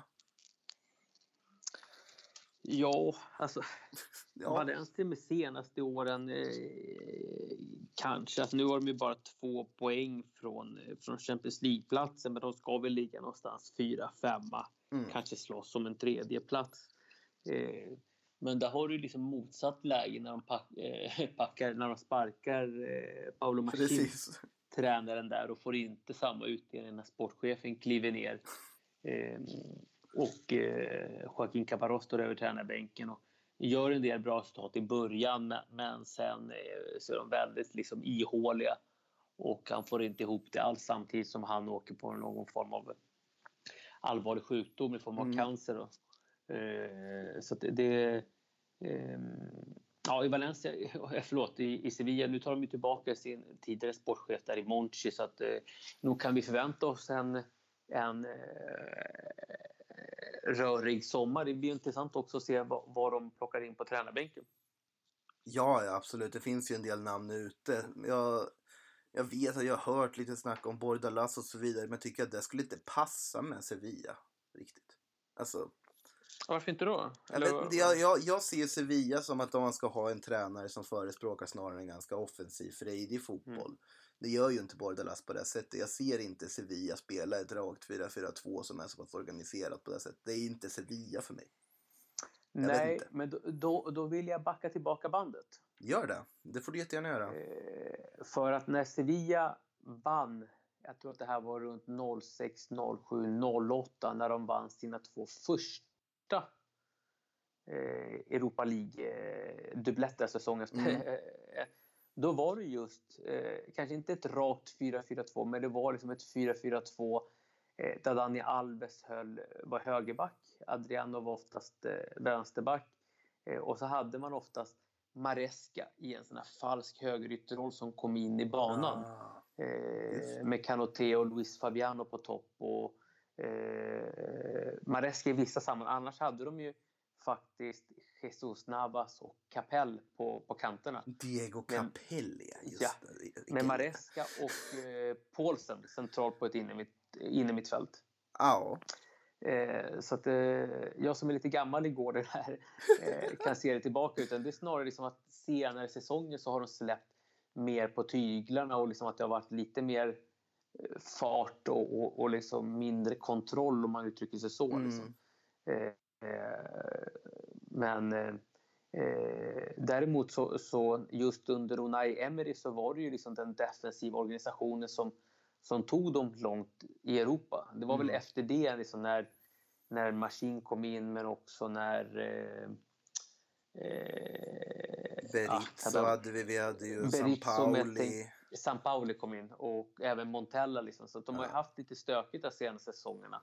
Eh, så att där är ju, det, är intressant vilket vägval han väljer här. Mm. Monchi, liksom, är det lite mot emot, ja, kanske fel att benämna, stökiga eh, liksom mer, mer liksom så här, ja, det, det stökiga hållet eller väljer att gå tillbaka till en mer eh, strukturerad spelstil. Eh, På så sätt hade med- väl Bordalas alltså också sett till att Monchi gillar ju att köpa och sälja. Han gillar ju att spela FM om vi säger så.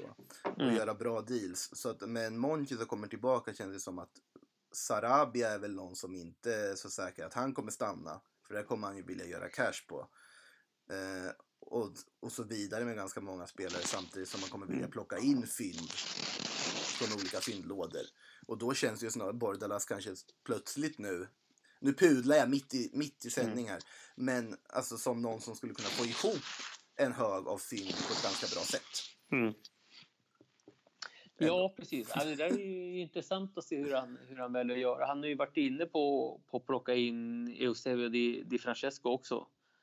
Eh, oh. Som han jobbade med i, i, i Roma. Liksom. Där, där, är jag inte lika övertygad om, om eh, Di Francescos liksom, eh, att han skulle passa bra in i ett eh, med tanke på att Roma-projektet var ingen höjdare så det känns ju inte som en så här vinnande Nej. kombo. Och sen liksom, han hade några bra säsonger, någon bra säsong i Sassuolo.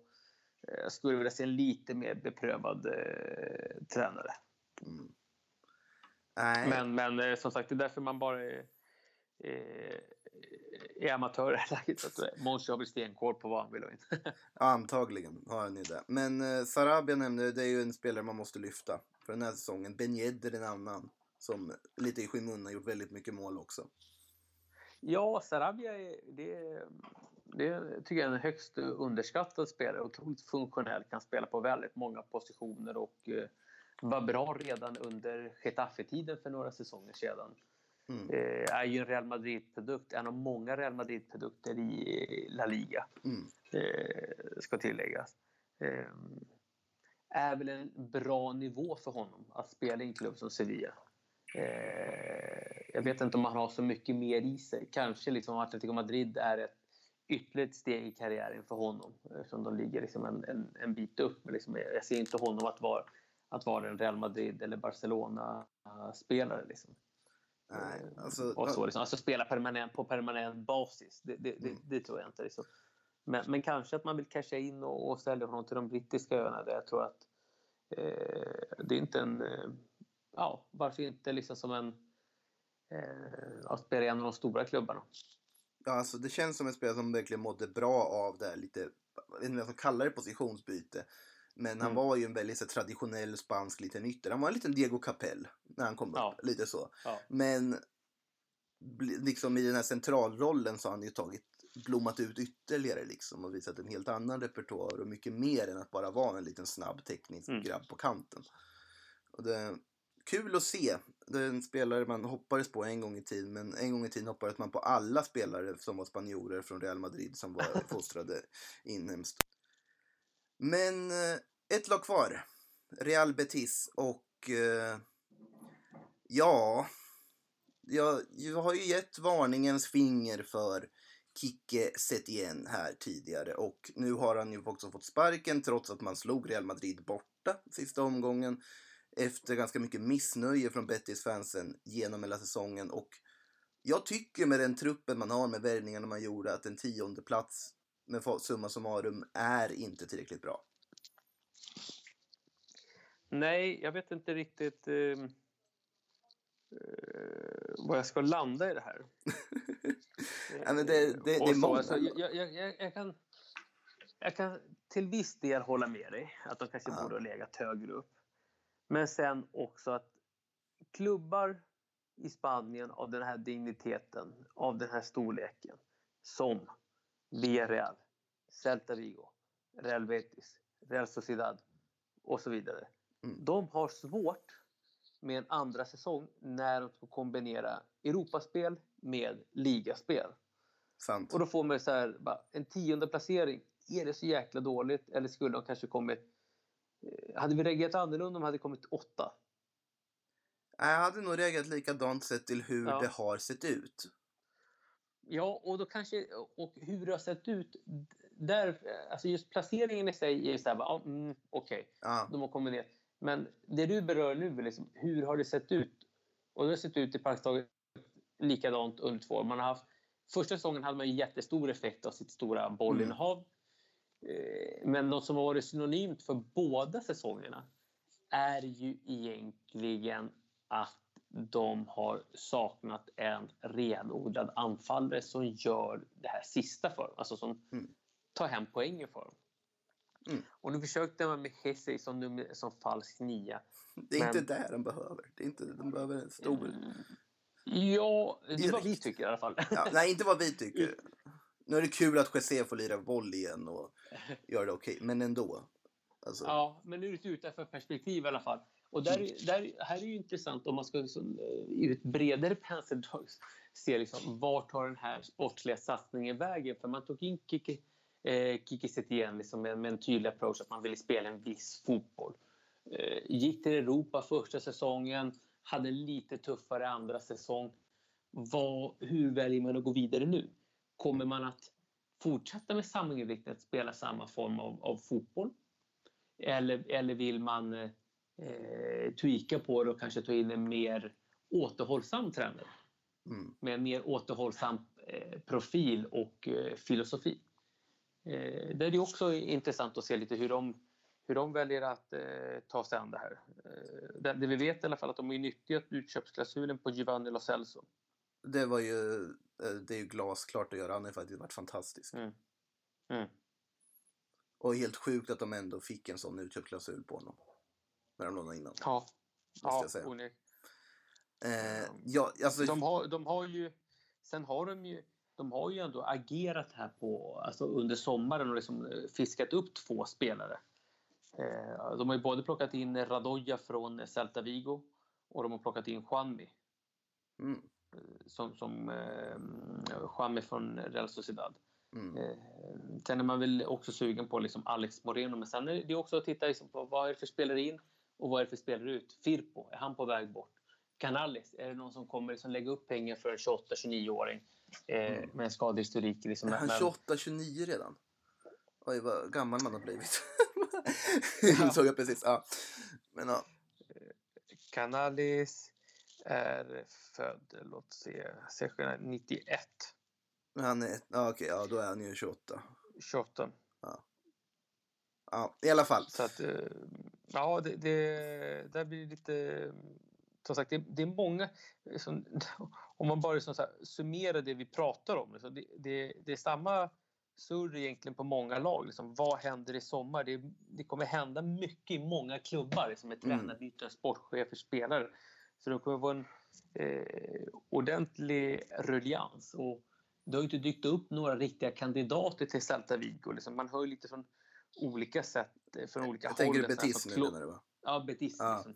Eh, sen så Claude Puel säger att han skulle älska att träna i Spanien. Liksom. Men är det en spelare för, eller är det en tränare som eh, passar in i deras profil? Ja, Ja, vem vet? eh, Alltså- jag vet inte. En annan som dyker upp, förlåt att jag avbröt, en annan som dyker upp som eh, sportchefen eller vicepresidenten där, Lorenzo Serra Ferrer, eh, håller väldigt högt. Det är ju hans gamla spelare. Och det är, som han hade i Barcelona. Och det är ju holländaren Philippe Cocu Mm. som är, som är hans liksom, första val att, att ersätta Kiki Setien. Ja, alltså det känns som att Bettis, om man inte skulle gå på en offensivt lagd tränare eller någon passningsorienterad tränare Mm. så känns det ju som att man nästan har kastat bort lite av det Setien har byggt upp. Han har ändå byggt upp en väldigt intressant grund att jobba med. Mm. Alltså nu blir det ju spekulationer igen, men en tränare jag hade velat se ta över det här nu, det hade varit Lopetegui. Ja, Alltså det där... jättebra. Ja, det hade ju varit en fantastisk rekrytering i det här läget. Om han skulle vara intresserad av Betis. Men det känns också som ett ganska bra steg för honom. Mm. Eh, bara en ren så här, spontant jag kom på att där hade vi, och det säger jag om ganska många klubbar, och säger väl en del av många klubbar spelar, Lopetegui hade varit perfekt. Och jag har sagt de andra också. Men Mm. Nej, det blir ku- kul att se vad Betis gör, det blir kul att se vad väldigt många andra lag gör och nu har vi alltså summerat La Liga 18-19 lag Mm. för lag. Ett sista summerande om hela ligan då, vad tycker du säsongsmässigt, vad har det varit för typ av säsong? Ehm, nej, mellansäsong generellt för de spanska lagen. Alltså både i ligan, liksom, där många lag... Eh, det här förväntar mig mer om många lag. Inte bara topplagen utan även liksom de här eh, Sevilla, Betis, eh, Celta Vigo, Villarreal. Liksom. Jag hade förväntat mig mer av dem. Betydligt mer eh, av sådana, sådana lag.